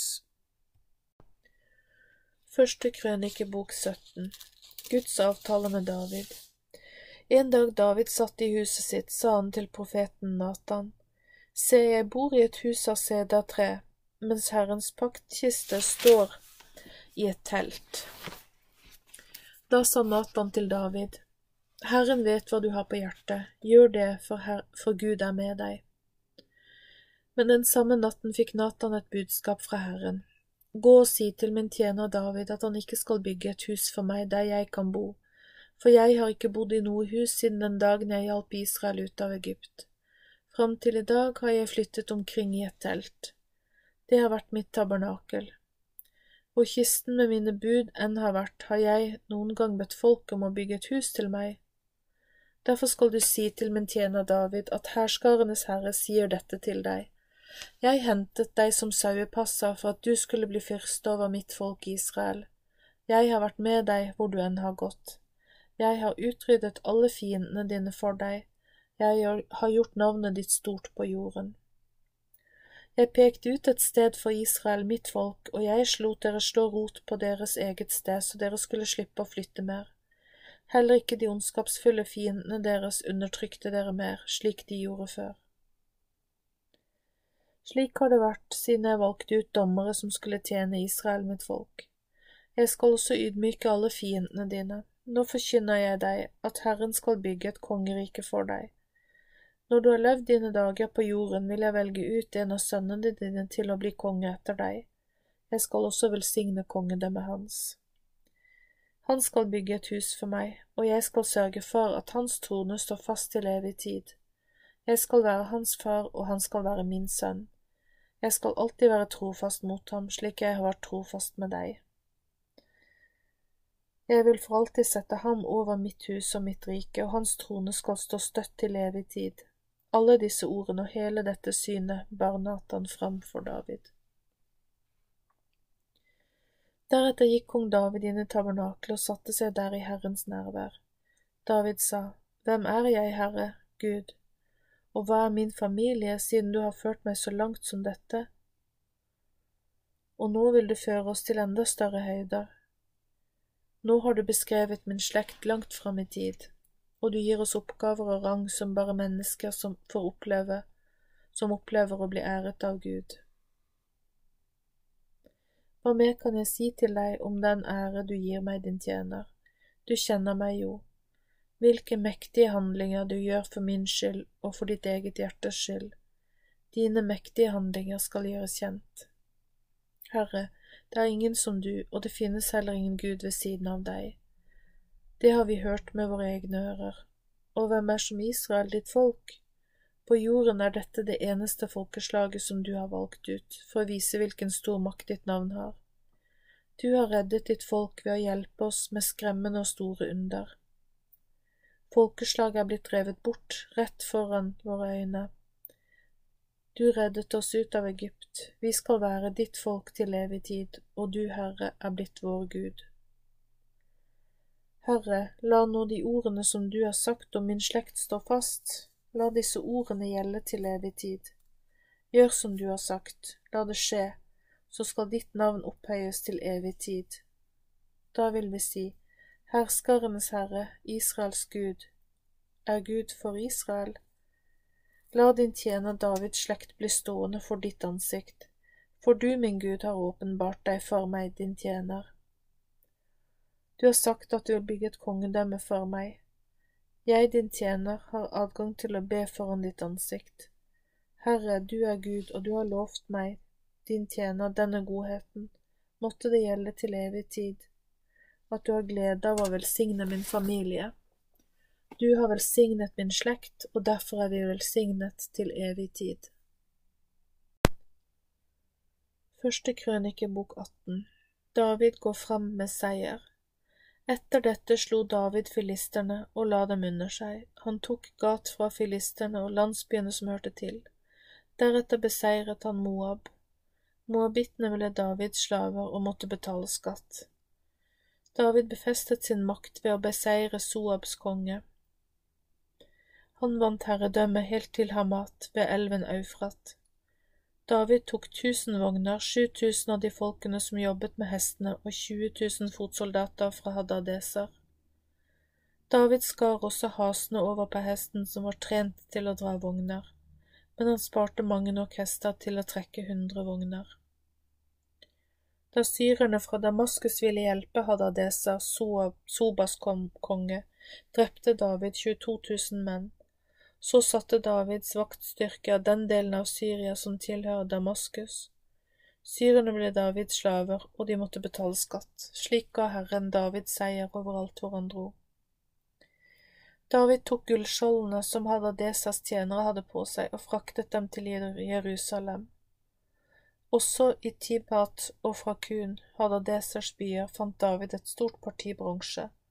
Dette brukte Salomo til å lage bronsehavet, søylene og bronsekarene. Da nå Tou, Hamats konge, fikk høre at David hadde slått hele hæren til Hadadeser, Sobabs konge, sendte han sønnen sin Hadoram til kong David for å hilse ham med fred og velsigne ham. Tou, Hamats konge, hadde lenge vært i krig mot Hadadeser. David tok også med seg alle slags verdigjenstander av gull, sølv og bronse. Kong David innviet også sølvet og gullet som han hadde tatt med seg fra de forskjellige folkeslagene til Herren. Dette hadde han fått fra Edom, Moab og Ammons etterkommere og fra filisterne og Amalek. Dessuten drepte Abshai, Seruyas sønn, 18 000 edomitter i Saltdalen. Han satte også vaktstyrker i Edom, og alle edomittene ble Davids slaver. Herren ga David seier overalt hvor han dro fram. Davids administrasjon. Så var David konge over hele Israel, han sørget for rett og rettferdighet for hele sitt folk. Joab, Seruyas sønn, fikk ansvar som hærens leder. Josjafat, Akiluds sønn, var historieskriver. Sadok, Akitubs sønn, og Akimelek, Abiatars sønn, var prester. Shavsha var statsskriver. Benaya, Jojardads sønn, ble satt over keretittene og pelletittene. Davids sønner ble øverste ministre ved kongens side. Første krønikebok 19 Ammonittene og syrerne blir beseiret. Etter at oppgavene var blitt fordelt, døde Nakash, kongen over Ammons etterkommere. Sønnen hans ble konge etter ham. Da sa David, Jeg skal vise vennlighet mot Hanun, Nakashs sønn, fordi faren hans viste vennlighet mot meg. Så sendte Davids budbærere David budbærere for å trøste ham i sorgen over faren. Davids tjenere kom til Hanun i landet til Ammons etterkommere for å trøste Hanun. Men lederen av folket sa til Hanun, Tror du virkelig at det er for å ære faren din at David har sendt trøstere til deg? Kan det ikke være at tjenerne hans kom til deg for å utforske landet? Kanskje David ville ta det fra deg? Derfor grep han Hanun dem som David hadde sendt til ham. Han barberte av dem skjegget og skar av klærne deres ved midjen over rumpene deres. Så sendte han dem av sted. Da var det noen som dro til David og fortalte om dette. David sendte noen for å møte dem, for mennene var gjort stor skam på. Kongen sa til dem, Vent til Jeriko til skjegget deres har vokst ut igjen, så kan dere komme tilbake. Da Ammons folk forsto hvor ille David syntes om det de hadde gjort, brukte de 34,2 tonn sølv for å leie seg vogner, hester og ryttere fra Mesopotamia, fra det syriske Maka og fra Soba. De leide seg også 32 000 vogner sammen med kongen i Maka og hæren hans. De kom og slo leir foran Medeba. Ammons folk samlet seg til kamp. Da David fikk høre om dette, sendte han Joab og hans modige menn av sted sammen med hele hæren. Da kom Ammons folk ut og stilte seg opp til kamp foran byporten. Kongen som hadde samlet seg der, kongene som hadde samlet seg der, sto for seg selv på marken. Da Joab så at han måtte kjempe på to fronter, både forfra og bakfra, valgte han ut noen av Israels beste menn og stilte dem opp for å møte syrerne. Resten av hæren satte han under broren sin, Abshais kommando. De stilte seg opp for å gå til kamp mot Ammons folk. Så sa han, Hvis syrerne blir for sterke for meg, må du komme og hjelpe meg, men hvis Ammons folk blir for sterke for deg, skal jeg hjelpe deg. Vær ved godt mot, og la oss være sterke for folket vårt og for vår Guds byer. Så får Herrens vilje skje. Joab og hæren hans kom nærmere for å slåss mot syrerne, og de måtte legge på flukt for, for ham. Ammons folk så at syrerne flyktet, og da flyktet de også. Deretter dro Joab tilbake til Jerusalem. Da syrerne så at de var blitt beseiret av Israel, sendte de budbærere, til syrerne på den andre siden av elven Eufrat. Shofak, øverstkommanderende for Hadadesers hær, var lederen for et nytt angrep.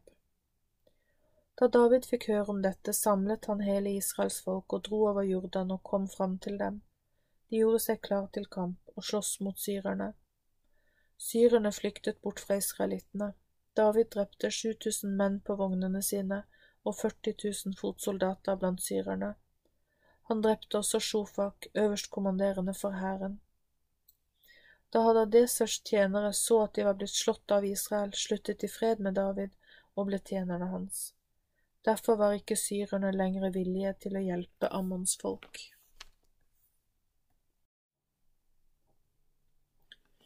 Første krønikebok 20 Byer blir erobret. Om våren det året, på den tiden kongene pleide å dra ut i krig, førte Joab ut hæren og herjet i landet til Ammons folk. Han beleiret Rabba og ødela den, men David ble igjen i Jerusalem. Da tok David kronen av hodet til kongen deres, og han fant ut at den veide en talent gull, og at det var en kostbar stein på den. Nå ble den satt på hodet til David. Han fraktet også store mengder krigsbytte ut fra byen. Folket ble fraktet ut, og de måtte jobbe med sager, jernhakker og økser. Slik gjorde David med alle byene til Ammons folk. Så dro David og hele hæren tilbake til Jerusalem. Filisternes kjemper blir slått ned. Etter dette brøt det ut krig med filisterne i Geser. Det var på den tiden hushatitten Sibekai drepte Sippai, en av sønnene til den store kjempen. De ble ydmyket, og igjen ble det krig med filisterne. El-Kanan, Jairs sønn, drepte Lakmi, broren til gittitten Goliat. Det var han som hadde et spyd som var så kraftig at skaftet var som en, som en vevbom. Enda en gang ble det kamp ved Gat. Der var det en veldig stor mann med 24 fingre og tær, seks fingre på hver hånd og seks tær på hver fot. Han var også etterkommer av kjempen Rafa. Da han hånte Israel, ble han drept av Jonathan, sønn av Shima, Davids bror. Disse var etterkommerne av kjempen Rafa i Gat, og de ble drept av David og av mennene hans. Første krønikebok 21 Folketelling i Israel og Juda Satan ville skade Israel og lokket David til å telle Israels folk. David sa til Joab og til folkets ledere, Tell Israels folk fra Ber Sheba til Dan. Gi meg antallet på dem, så jeg kan få vite det. Joab svarte, måtte Herren gjøre sitt folk hundre ganger større enn de er nå. Men min herre konge, er ikke hele folket dine tjenere, hvorfor ber du egentlig om dette, for dette kan vel ikke være bra for Israels folk. Men kong David sto fast på sitt, derfor gikk Joab sin vei og dro gjennom hele Israel og kom tilbake til Jerusalem. Så ga Joab David summen av folketellingen i hele Israel. Hele Israel hadde 110 000 menn som kunne dra sverdet, og Juda hadde 470 000 menn som kunne dra sverdet. Men Levis stamme og Benjamins stamme telte han ikke opp, for Joab følte at det kongen hadde bedt ham om var helt galt. Herren mislikte også dette sterkt, og derfor ble Israel rammet. Da sa David til Gud, Jeg har syndet stort fordi jeg gjorde dette, men nå ber jeg, tilgi meg denne synden, for jeg har oppført meg som en tosk. Da talte Herren til Gad, Davids profet, og ba ham gå til David og si at han kunne velge mellom tre forskjellige straffer. Så gikk Gad til David og sa, Gud sier deg at du kan velge mellom tre forskjellige straffer, og valget er opp til deg.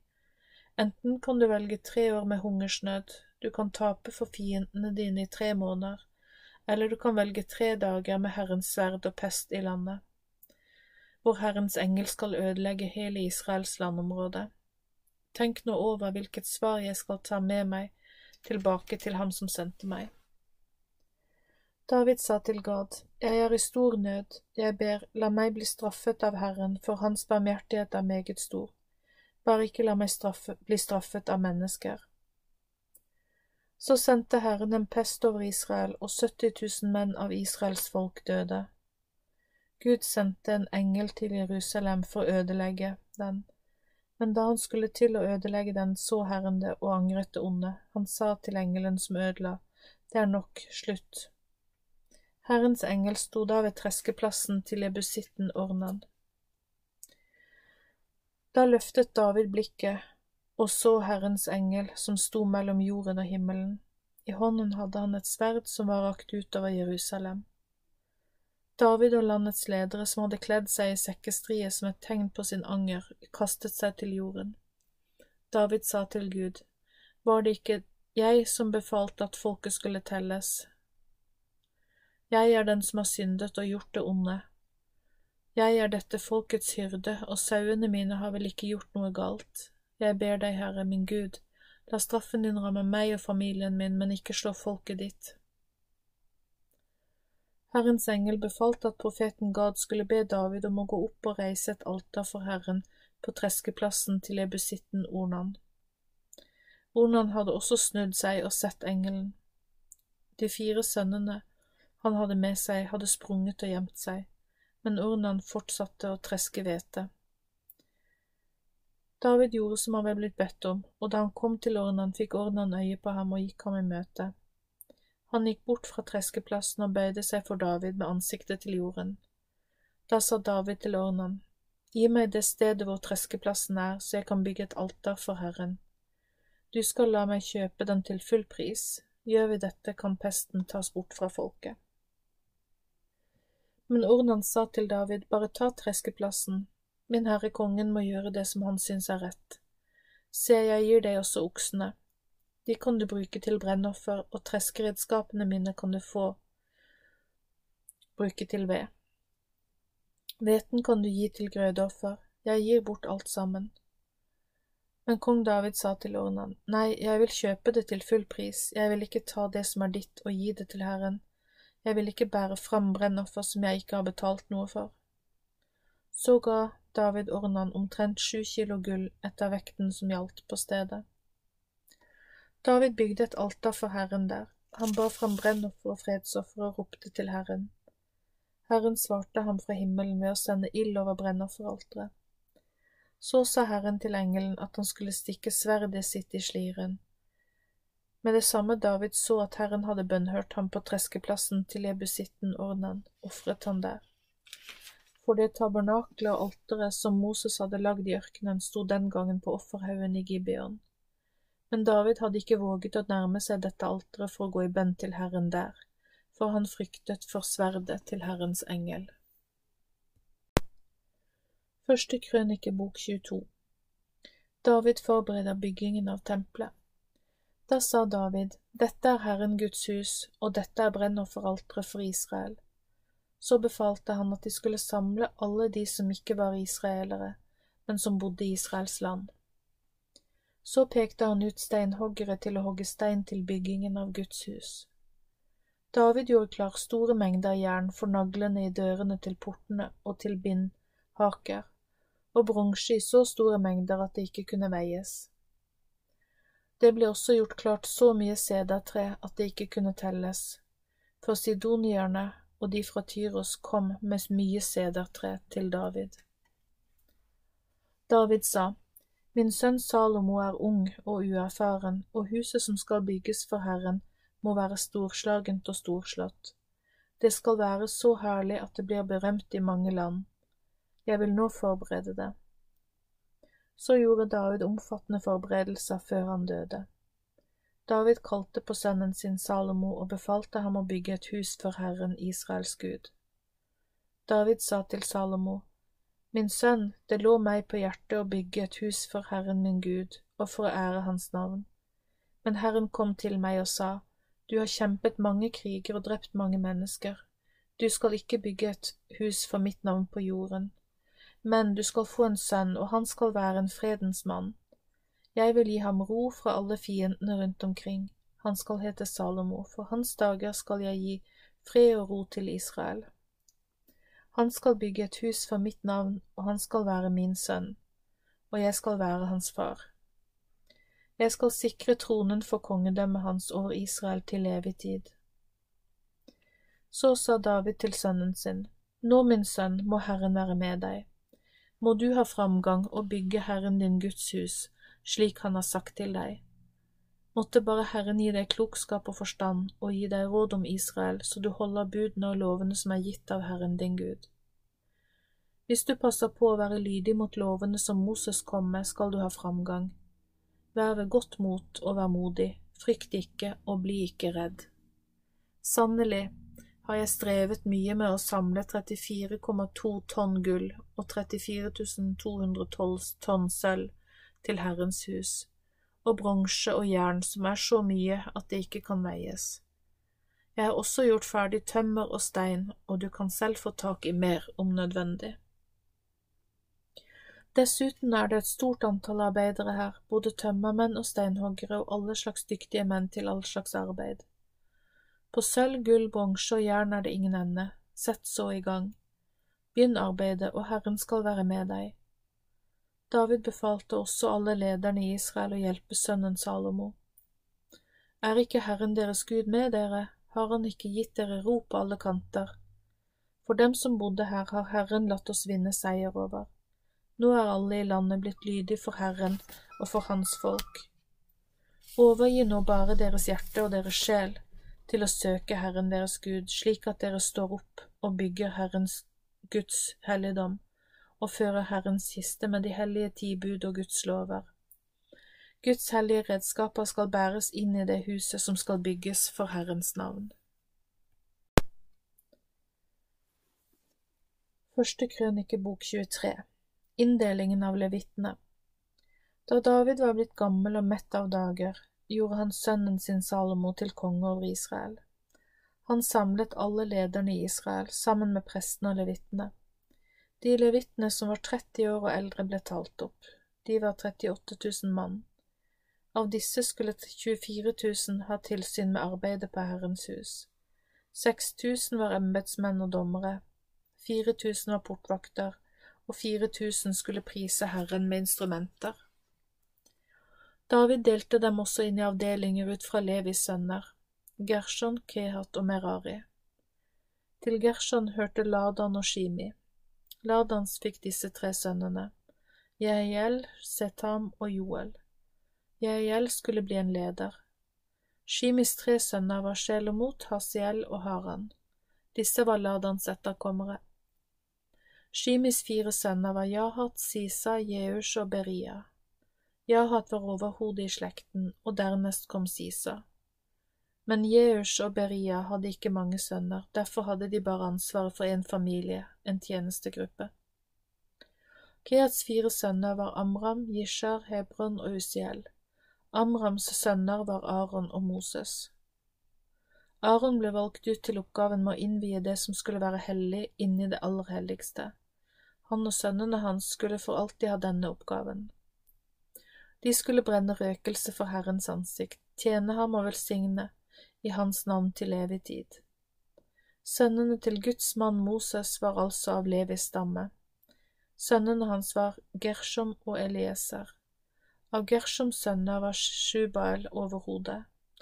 Av Eliesers sønner var Rehabia overhodet. Elieser hadde ingen andre sønner, men Rehabia hadde svært mange sønner. Av Ishars sønner var Shelomit overhodet. Av Hebrons sønner var Jeria overhodet foran Amaria, Jahasiel og Jekamam. Av Usiels sønner var Mika overhodet, og dernest kom Jishia. Meraris sønner var Makli og Mushi. Maklis sønner var Elazar og Kish. Elazar døde og hadde ingen sønner, men bare døtre. Deres stammebrødre Kish' sønner giftet seg med dem. Mushis tre sønner var Makli, Eder og Jeremot. Disse var Levis etterkommere. Slik ble en for en valgt ut til å arbeide med tjenesten i Herrens hus, de som var 20 år og eldre. For David sa, Herren Israels Gud har gitt folket sitt ro, og han skal bo i Jerusalem til evig tid. Til levitene sa David, de skal ikke lenger bære tabernakel eller noe av alt det utstyret som hører til tjenesten i det. Noe av det siste David gjorde, var å telle levitene som var 20 år eller eldre. Oppgaven deres var å hjelpe Arons sønner under tjenesten i Herrens hus, i forgårdene og i kamrene ved renselsen av alle de hellige redskapene, og arbeide med tjenesten i Guds hus, både med skuebrødene og det fine melet til grødeofferet, med kakene som ikke skulle heves, og det som ble stekt i pannen. De hadde ansvar for alt det som skulle blandes, og med alle slags mål og størrelser. Hver morgen skulle de stå og takke og prise Herren, og det samme skulle de gjøre om kvelden. Hver gang ble det båret fram hver gang det ble båret fram offer som skulle brennes til Herren på sabbatene, ved nymåner på de faste høytidene, skulle dette gjøres i rett antall etter de gjeldende lovene, hele tiden for Herrens ansikt.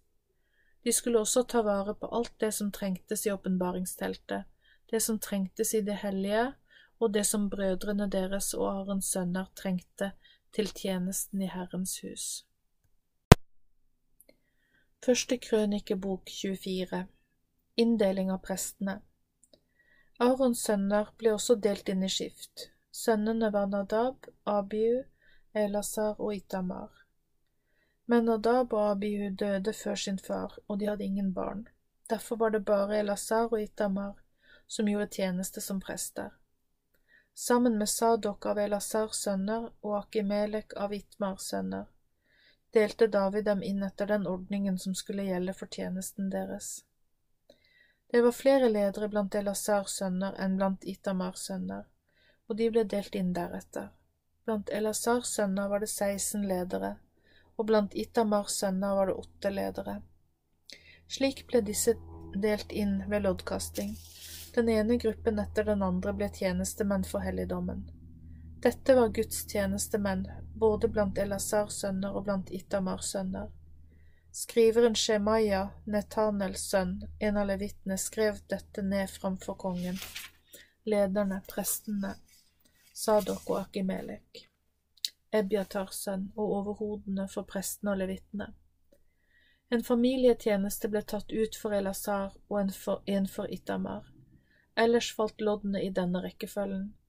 Jojarib, Jedaya, Harim, Seorim, Malkia, Miaim, Hakkos, Abia, Jeshua og det tiende loddet falt på Shekanya. De neste loddene falt på Elashib, Jakim, Huppa, Jeshebab, Bilga, det sekstende på Immer, Hesir, det attende på Happises, Petakia, på Jeherskel, Jakin, Gamul, Delaya, og det tjuefjerde loddet falt på Maasha. Slik ble ordningen for tjenesten deres når de skulle komme inn i Herrens hus, etter de lovene de hadde fått ved sin far Aron, slik Herren Israels Gud hadde befalt ham. Andre levitter De andre av Levis etterkommere var Amram, var Amram som fikk sønnen Shubael, som fikk sønnen Jekdeya.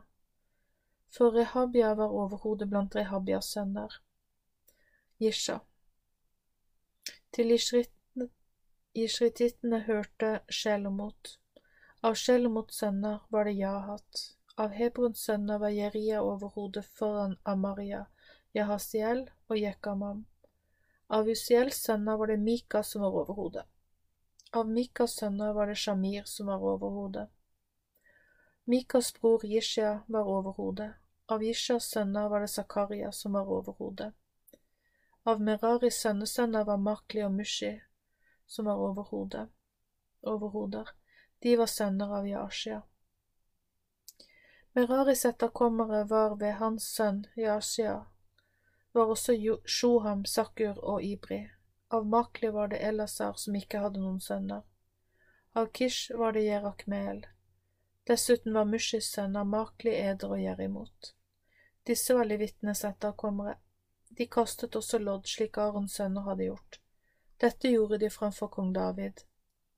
Sadok, Akimelek og overhodene blant prestene og levittene. De som loddene falt på, var overhoder på samme måte som deres yngre brødre var det. Første krønikebok 25 Sangerne David og lederne for hæren valgte også ut noen av sønnene til Asaf, Heman og Jedutun til tjenesten. De var profeter som var drevet av Guds ånd. De spilte på lyrer, harper og symbler. Dette er listen over de dyktige mennene som utførte denne tjenesten for dem. Av Asafs sønner var det Sakkur, Josef, Netanya og Asarela. Asafs sønner sto under ledelse av Asaf, som profeterte på oppdrag fra kongen. Jedutuns seks sønner, Gedalia, Seri, Jesaja, Hashaba og Matitya, tjente under ledelse av faren deres. Han profeterte og spilte på lyre for å love og prise Herren. Av Heman, det vil si Hemans sønner, var det Bukia, Matanya, Usiel, Shubael, Jerimot, Hananya, Hanani, Eliata, Gidalti, Romamti Eser, Yuish, Bekshakasha, Maloti, Hotir og Masa, Mahasiot. Alle disse var Hemans sønner, han var kongens åpenbarer av Guds ord for å styrke kongemakten. Gud ga Heman 14 sønner og tre døtre. Alle disse sto under sin fars ledelse så de skulle synge og spille i Herrens hus med symbler, harker, harper og lyrer ved tjenesten i Guds hus. Asaf, Jedutun og Heman sto rett under kongens ledelse. Antallet på dem i denne tjenesten var 288. Da er brødrene deres som hadde fått opplæring til å synge for Herren, alle som var blitt satt i stand til dette, medregnet. De kastet lodd om hvilke plikter de skulle ha, både den som var liten og den som var stor, både læreren og eleven. Loddene falt i denne rekkefølgen på gruppestørrelsen av tolv personer, og gruppene bestod av følgende personer med deres sønner og brødre.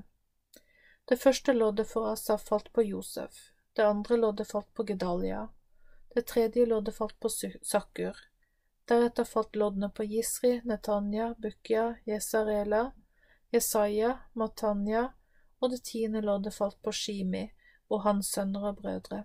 Også de var tolv på hver gruppe. De neste loddene falt slik. Asare, Asarel, Hashabia, Shubael, Matitya, Jeremot, Hananya, Joshbekasha, Jahanani og Maloti. Det tjuende loddet falt på Eliata. Det tjueførste loddet falt på Hotir, dernest falt de på Gidalti, Mahasiot, og det 24. loddet falt på Romamti Eser med sønner og brødre. Også de var tolv i hver gruppe. Første krønikebok 26 Portvaktene Avdelingene for dørvaktene var disse. Av korahittene var det Mesh Meshelimia, korets sønn, av Asafs sønner. Dørvakter av Meshelemias sønner var Zakaria, den førstefødte. Jedial, Sebadia, Jatniel, Elam, Johanan og Elioenai. Dørvakter av Obed Edoms sønner var Shemaya, den førstefødte Josabad, Joak, Sakar, Netanael, Amiel, Jesakar og Peuletai. Gud hadde velsignet ham med disse sønnene. Også Obed Edoms sønn Shemaya fikk sønner som styrte sine familier fordi de var fremragende menn. Shemayas sønner var Otni, Refael, Obed og Elsabad. Brødrene deres Eliu og Ser Semakya var fremragende menn. Alle disse var etterkommere av Obed Edom. De var fremragende og dyktige til arbeidet. Alt i alt var de 62 menn. Meshelemja hadde sønner og brødre, til sammen 18 fremragende menn. Også Hosa av Meraris etterkommere hadde sønner, og Shimri var overhodet. Faren hans hadde gjort ham til overhode og leder, selv om han ikke var den eldste. Brødrene hans var Hilkia, Tebalja og Zakaria. Alle Hosas sønner og brødre var i alt 13 menn. Disse dørvaktsavdelingenes avdelingenes ledere overhodet hadde plikter og ansvar med tjenesten i Herrens hus, på samme måte som de andre. De kastet lodd for hver enkelt port, både den minste og den største. Loddet for østporten falt på Shelemia. Så kastet de lodd for hans sønn Zakaria. Han var en klok rådgiver. Hans lodd falt på nordporten. Loddet for Obed Edom falt på sørporten og på hans sønner som skulle passe på lagerhuset. For Shuppim og Hosa falt loddet på vestporten, med Sjaleket-porten ved stigningen på hovedveien. Mot øst var det seks levitter, mot nord var det fire hver dag, mot sør var det fire hver dag, og for lagerhuset var det to og to. Ved Parbarplassen mot vest sto fire vakt ved hovedveien, og to sto ved selve Parbar. Dette var portvaktenes avdelinger blant Koras og Meraris sønner tilsynsmenn og dommere. Blant levitene var Hahia satt over skattkamrene i Guds hus, over skattkamrene for alt det som var innviet til Herren. Jeiel var den av Ladans etterkommere og av gesjonittene som var overhodet i slekten. Jeiels sønner var Setam og Joel. De hadde ansvaret for skattkamrene i Herrens hus.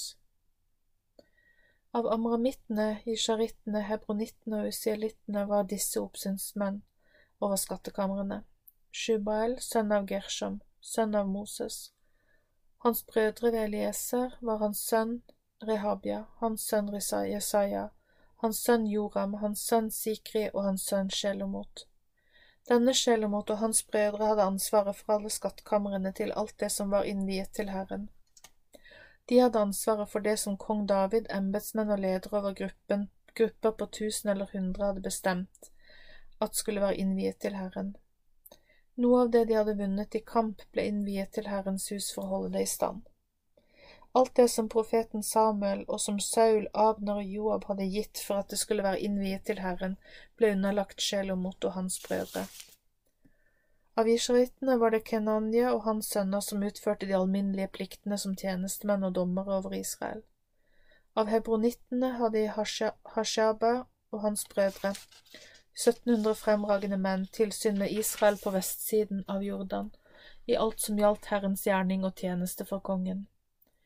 Blant hebronittene var Jeria overhodet. I det førtiende regjeringsåret til David ble de oppsøkt, og det ble funnet mektige krigere ved Jaser i Gilead. Hans brødre var 2700 sterke menn. Kong David satte dem til tjeneste i enhver gudssak og i enhver kongesak som angikk rubenittene, gradittene og halvparten av Manasses stamme. Første krønikebok 27 Hæravdelingene Israels folk tjente Herren. Folket var delt inn med ledere for hver en slekt. Embetsmennene hadde ansvar for henholdsvis tusen eller hundre soldater. Dessuten var noen satt til å være tilsynsmenn.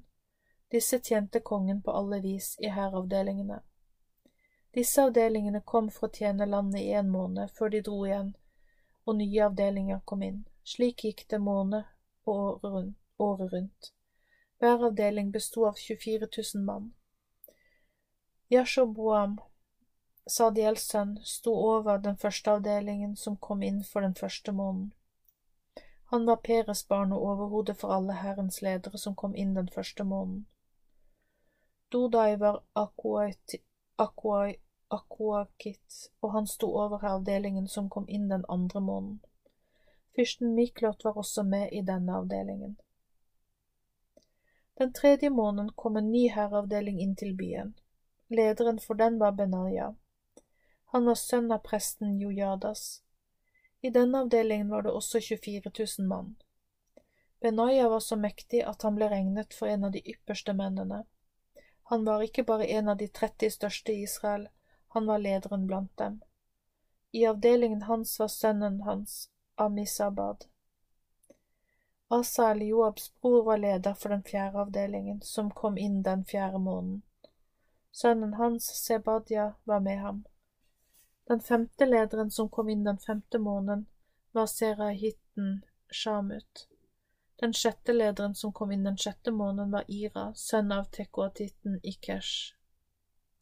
Den sjuende lederen som kom inn den sjuende måneden, var pelonitten Heles av Efraims slekt. Den åttende lederen som kom inn den åttende måneden, var hushatitten Sibekai av seraittene. Den niende lederen som kom inn den niende måneden, var anatotitten Abieser av benjaminittene. Den tiende lederen som kom inn den tiende måneden, var nefotatitten Marai av serahittene. Den ellevte lederen som kom inn den ellevte måneden, var piratonitten Benaya av Efraims barn. Den tolvte lederen som kom inn den tolvte måneden, var nefotatitten Heldai av Otniel. I alle avdelingene var det 24 000 menn. Høvdingen for stammene De som sto over Israels stammer, var følgende. Fyrsten over rubenittene var Elieser, Sikris sønn. Over simonittene var det Shefatia, Maakas sønn. Over levittene var det Hashabia, Kemuels sønn. Over aronittene var det Sadok, over Juda var det Eliu, en av Davids brødre. Over Isakar var det Omri, Mikaels sønn. Over Sebulon var det Jishmaya, Obadias sønn. Over Naftali var det Jerimot, Asriels sønn. Over Efraims etterkommere var det Hosea, Asashas sønn. Over halvparten av Manasses stamme var det Joel, Pedayas sønn. Over halvparten av Manasses stamme i Gilead var det Jiddo, Zakarias sønn. Over Benjamin var det Jaasiel, Abnas sønn. Over Dan var det Asrael, Jeroams sønn. Disse var høvdingene for Israels stammer.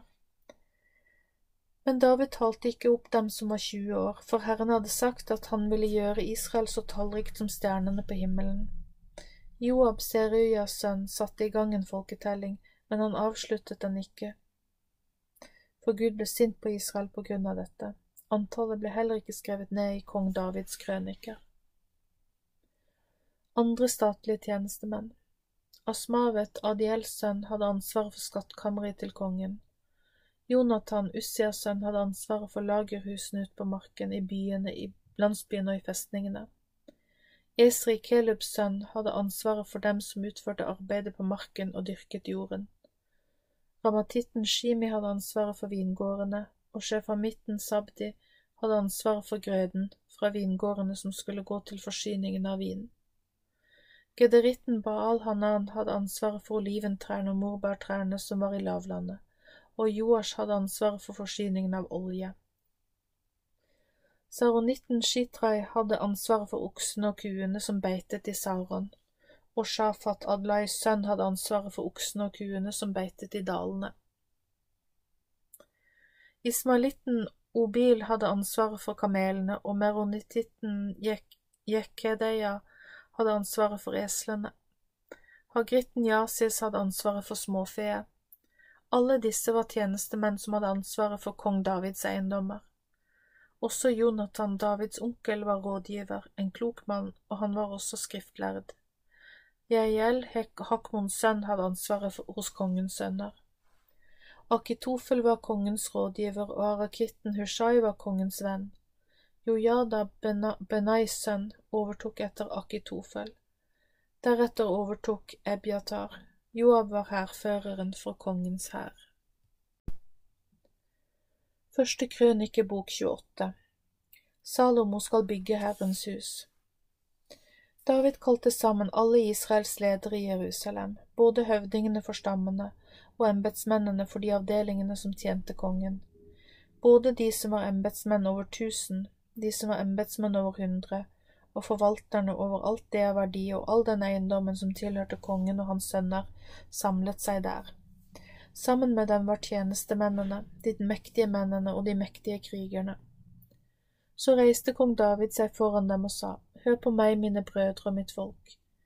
Det ligger meg på hjertet at jeg skal bygge et hus til hvilested for Herrens paktsark og til fotskammel for vår Gud. Jeg hadde gjort alle forberedelser til å bygge det, men så sa Gud til meg, Du skal ikke bygge et hus for mitt navn, for du har vært en kriger og har drept mange mennesker.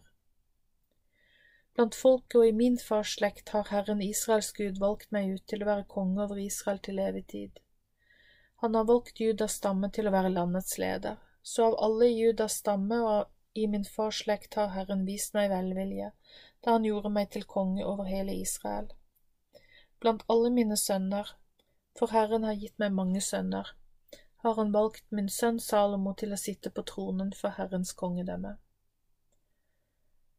Herren sa til meg, det er sønnen din Salomo som skal bygge mitt hus og mine forgårder, for jeg har utvalgt ham til å være min sønn, og jeg skal være hans far. Jeg skal støtte kongedømmet hans til evig tid, dersom han vil legge all sin kraft i å følge mine bud og mine dommer. Og nå for øynene på hele Israel, Herrens forsamling, og for våre Guds ører, skal dere holde nøye, holde nøye og granske alle budene fra Herren deres Gud da skal dere kunne innta dette gode landet og overgi det som arv til barna deres og de neste generasjonene til evig tid. Og du, min sønn Salomo, skal bli kjent med din fars Gud. Han skal du tjene med et helt hjerte og med en villig sjel. For Herren, Herren gransker alle hjerter og forstår enhver lyst som rører seg i tankene. Hvis du søker ham, skal han la seg, la seg finne av deg men hvis du forlater ham, skal han forkaste deg til evig tid.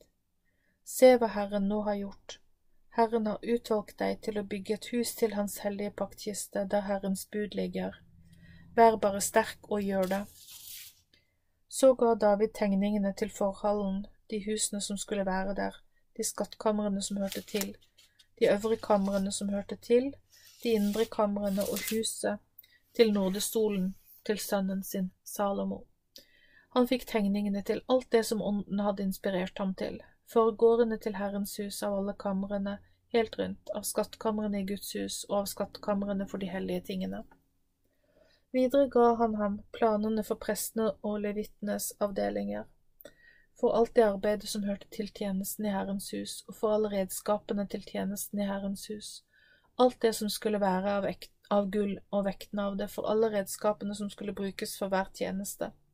Og alle redskapene som skulle være av sølv etter vekt, for alle redskapene som skulle brukes for hver tjeneste.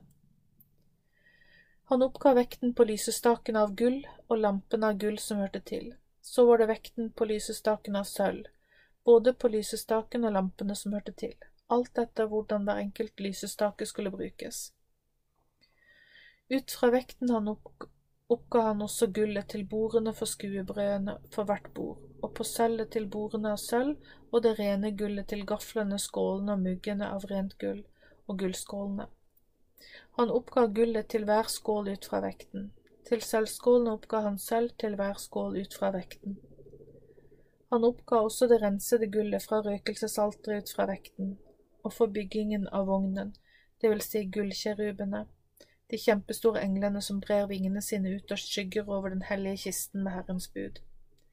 Alt dette ble skrevet ned av Herrens hånd, så han kunne la meg forstå alt arbeidet ut fra disse tegningene. David sa til sønnen sin Salomo, Vær sterk og ved godt mot og gjør arbeidet, frykt ikke og bli ikke forferdet, for Herren Gud, min Gud, skal være med deg. Han skal ikke forlate deg og ikke slippe deg før du har fullført hele arbeidet for tjenesten i Herrens hus. Se her er avdelingene av prester og levitter for hele tjenesten i Guds hus.